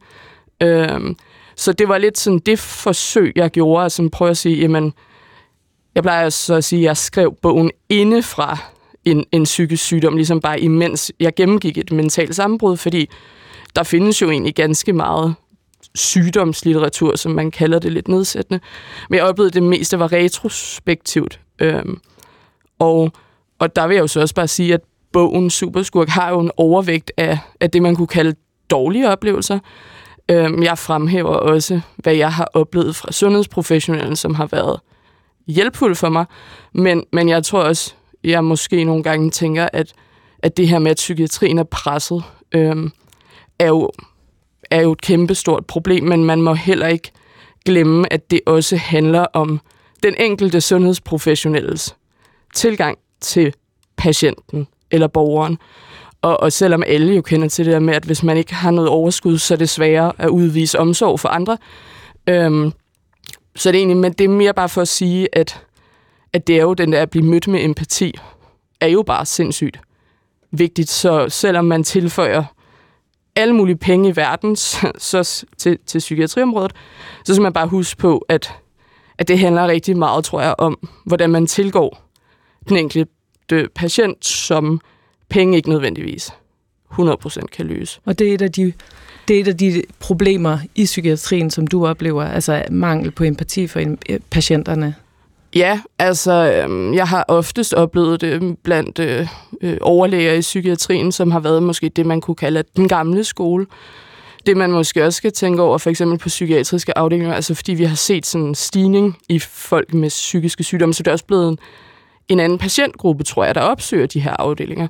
Og, og det der med, at bare fordi man ikke er den mest syge, så, så kan det meget hurtigt opleves, som om man er lidt hysterisk. Altså, det er jo enormt underligt at, at sidde over for en overlæge, øh, som jo basically bestemmer, om jeg får hjælp eller ej.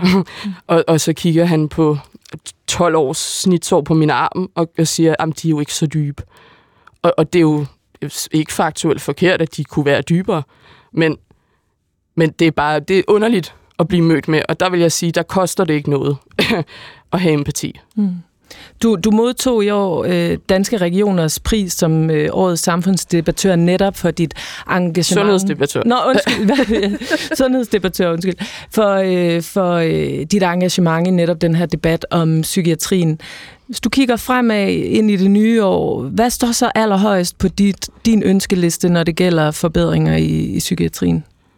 Altså, jeg tror i hvert fald, en, en del af ønsket er, at, at vi, vi, og med, vi mener måske samfundet, øhm, får, får adskilt psykiatridebatten fra mistrivselsdebatten. Der er jeg jo også udmærket klar over, at mange kommunale tilbud kræver, at du har en diagnose, hvilket jeg også kan fornemme, at man ligesom forsøger at arbejde på, for det er jo åndssvagt. Øhm, så, så, så det er ligesom en ting, så er en anden ting, at jeg håber, at man på et tidspunkt kan, kan starte en, en samfundssamtale om, at det desværre ikke er alle svære følelser, man kan behandle væk. Øhm, og jeg kan totalt genkende lettelsen i at få en beskrivelse af sig selv, som man kan slå op på netdoktor og tænke, Nå, okay, men det er sådan, jeg fungerer, bla bla bla. For mig blev den lettelse meget hurtigt til frustration, fordi ordet i sig selv ikke gør en forskel. Øhm, så ligesom at man måske kunne kunne finde en måde, hvor man kunne snakke med unge mennesker om de her enormt svære følelser, man måske for første gang bliver konfronteret med, på en anden måde end altid sygeliggør alting. Øhm, og så selvfølgelig mere konkret i forhold til psykiatrien, så øhm, måske netop mere fokus på de her svært psykisk syge, og måske et mindre fokus på, altså at, at endgamet skal være, at de skal være funktionsdygtige borgere, øhm, men også måske en større accept af, at, at desværre så så kan nogle menneskers liv efter så mange år, øh, der har været forfærdelige, ikke sådan stå til at blive funktionsdygtige, og man måske nogle gange ligesom fokuserer på, jamen så gør lidelsen så lav som muligt, i stedet for at det hele tiden er, at du skal ud og betale skat i samfundet igen. Øh, hvor der jo så vil sidde en, mm. en stor anden del af patienter, hvor man måske kan, kan kigge lidt mere på det, men hvad er det så, der fungerer for dig? Mm. Og hvad er, det, der kan, hvad er det, der gør dit liv meningsfuldt? Og hvad er det, ja, øhm, du, du kan dyrke? Øhm, så måske en, en lidt, at man går væk fra den der one size fits all tankegang. Tusind tak for besøget, Anna Jul. Det var så lidt. Og godt nytår. Tak.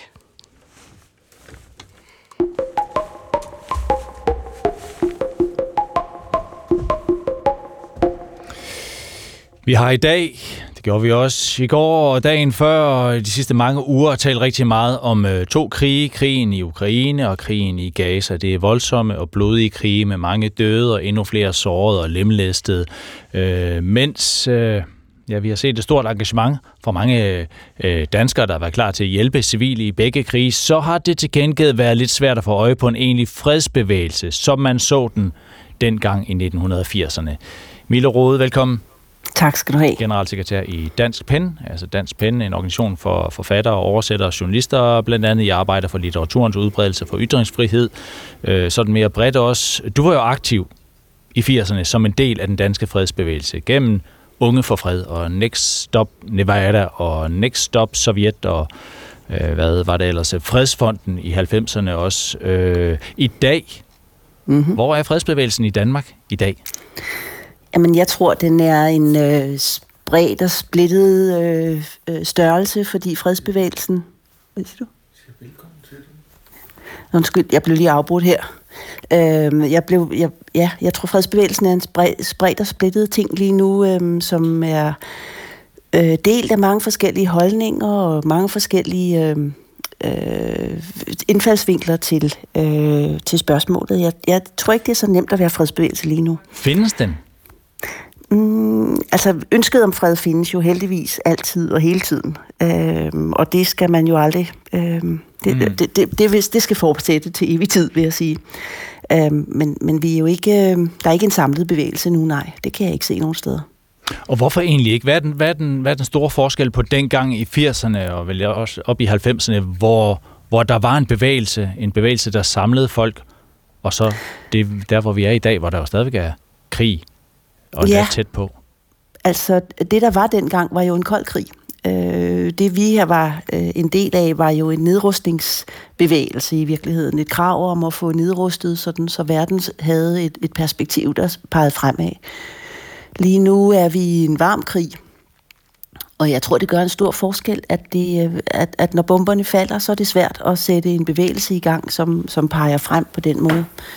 Øh, der er, en, der er en stor forskel på at være i en kold og en varm krig.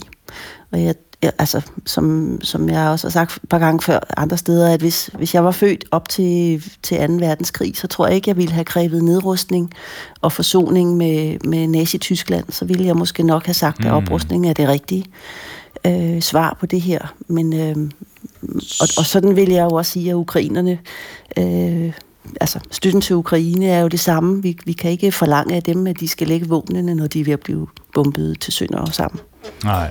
Og, og, øh, og det du siger, det er altså, at ind, indtil, indtil der kommer fred, så er det svært at have en fredsbevægelse.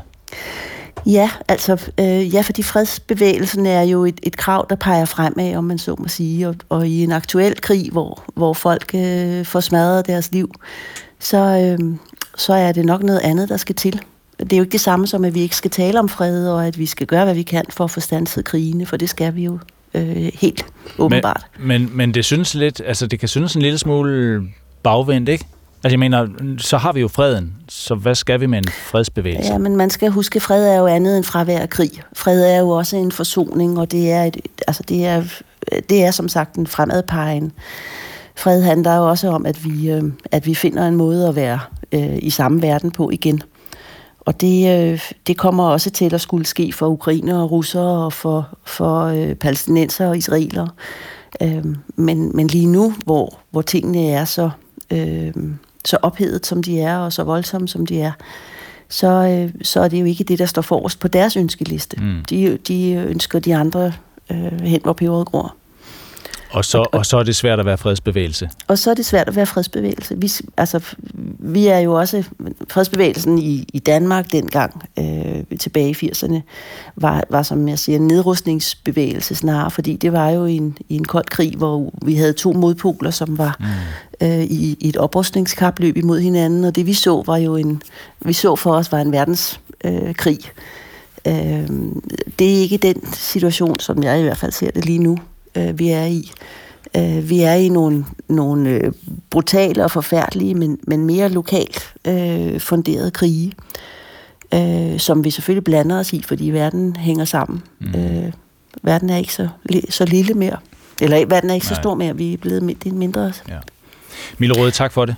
Ja, velbekomme. Tak for at være med os generalsekretær i Dansk Pen.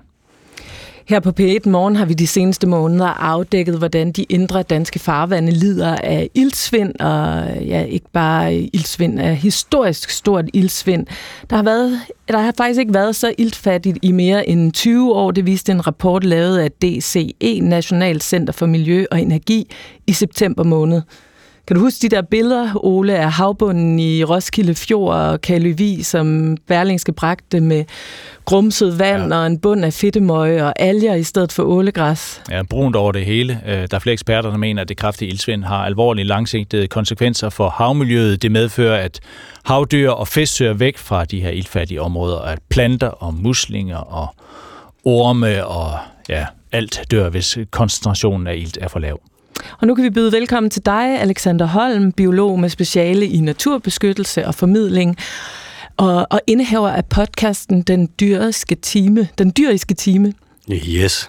Vi har bedt dig om at skrive en nytårstale til de indre danske farvande, som vi kan runde årets sidste udsendelse af med. Take it away.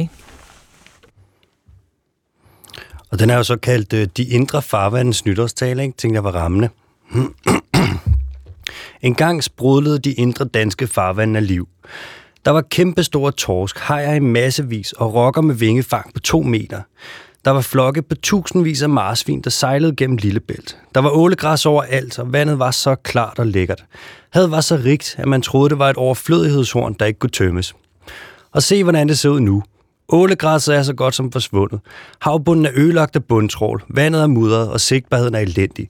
Rokkerne er næsten uddøde i de indre farvand, hejerne er væk, marsvinbestanden har fået sig nogle gevaldige tæsk. Torsken har det så dårligt, at man frem med 1. januar som lystfisker ikke længere må fange en eneste af dem. Vi ved godt, hvordan vi er kommet hertil. Landbruget har udledt ekstreme mængder kvælstof til havet i mange årtier, og denne forurening af havmiljøet har haft præcis de konsekvenser, som overdreven næringsforurening har, nemlig ildsvind og havdød. Det har tydeligvis en ret høj pris at være det mest svinetætte land i verden. Vi bundtråler også, og vi gør det på så hissig vis, at de færreste andre nationer kan være med.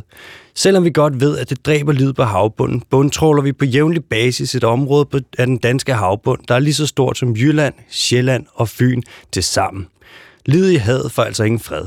Oven i det, så faciliterer vores regering statsautoriseret overfiskeri. Vores fiskeriminister har for eksempel lige forhandlet sig til en bifangskvote på torsk i den vestlige Østersø, der overstiger de videnskabelige anbefalinger med mere end 1.400 procent. Ja, det kan torsken ikke holde til.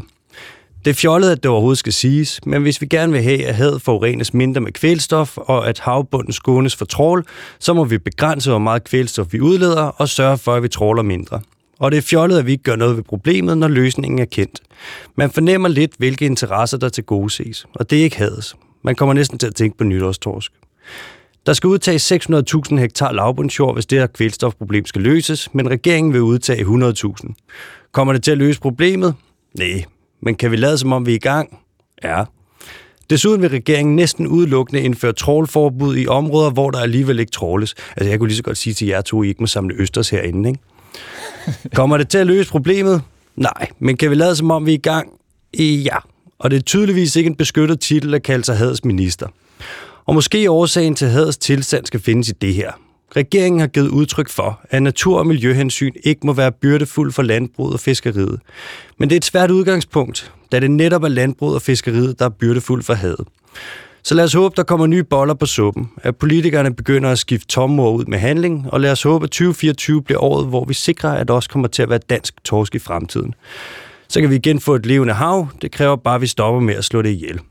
Og så skulle jeg lige til at sige, Gud bevar hed, men det er måske lige sådan en røg ikke? Men vi forstår tonen, kan være.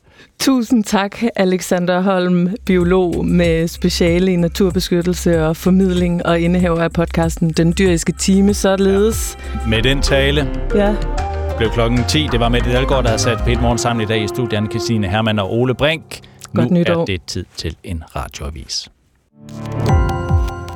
Gå på opdagelse i alle DR's podcast og radioprogrammer. I appen DR Lyd.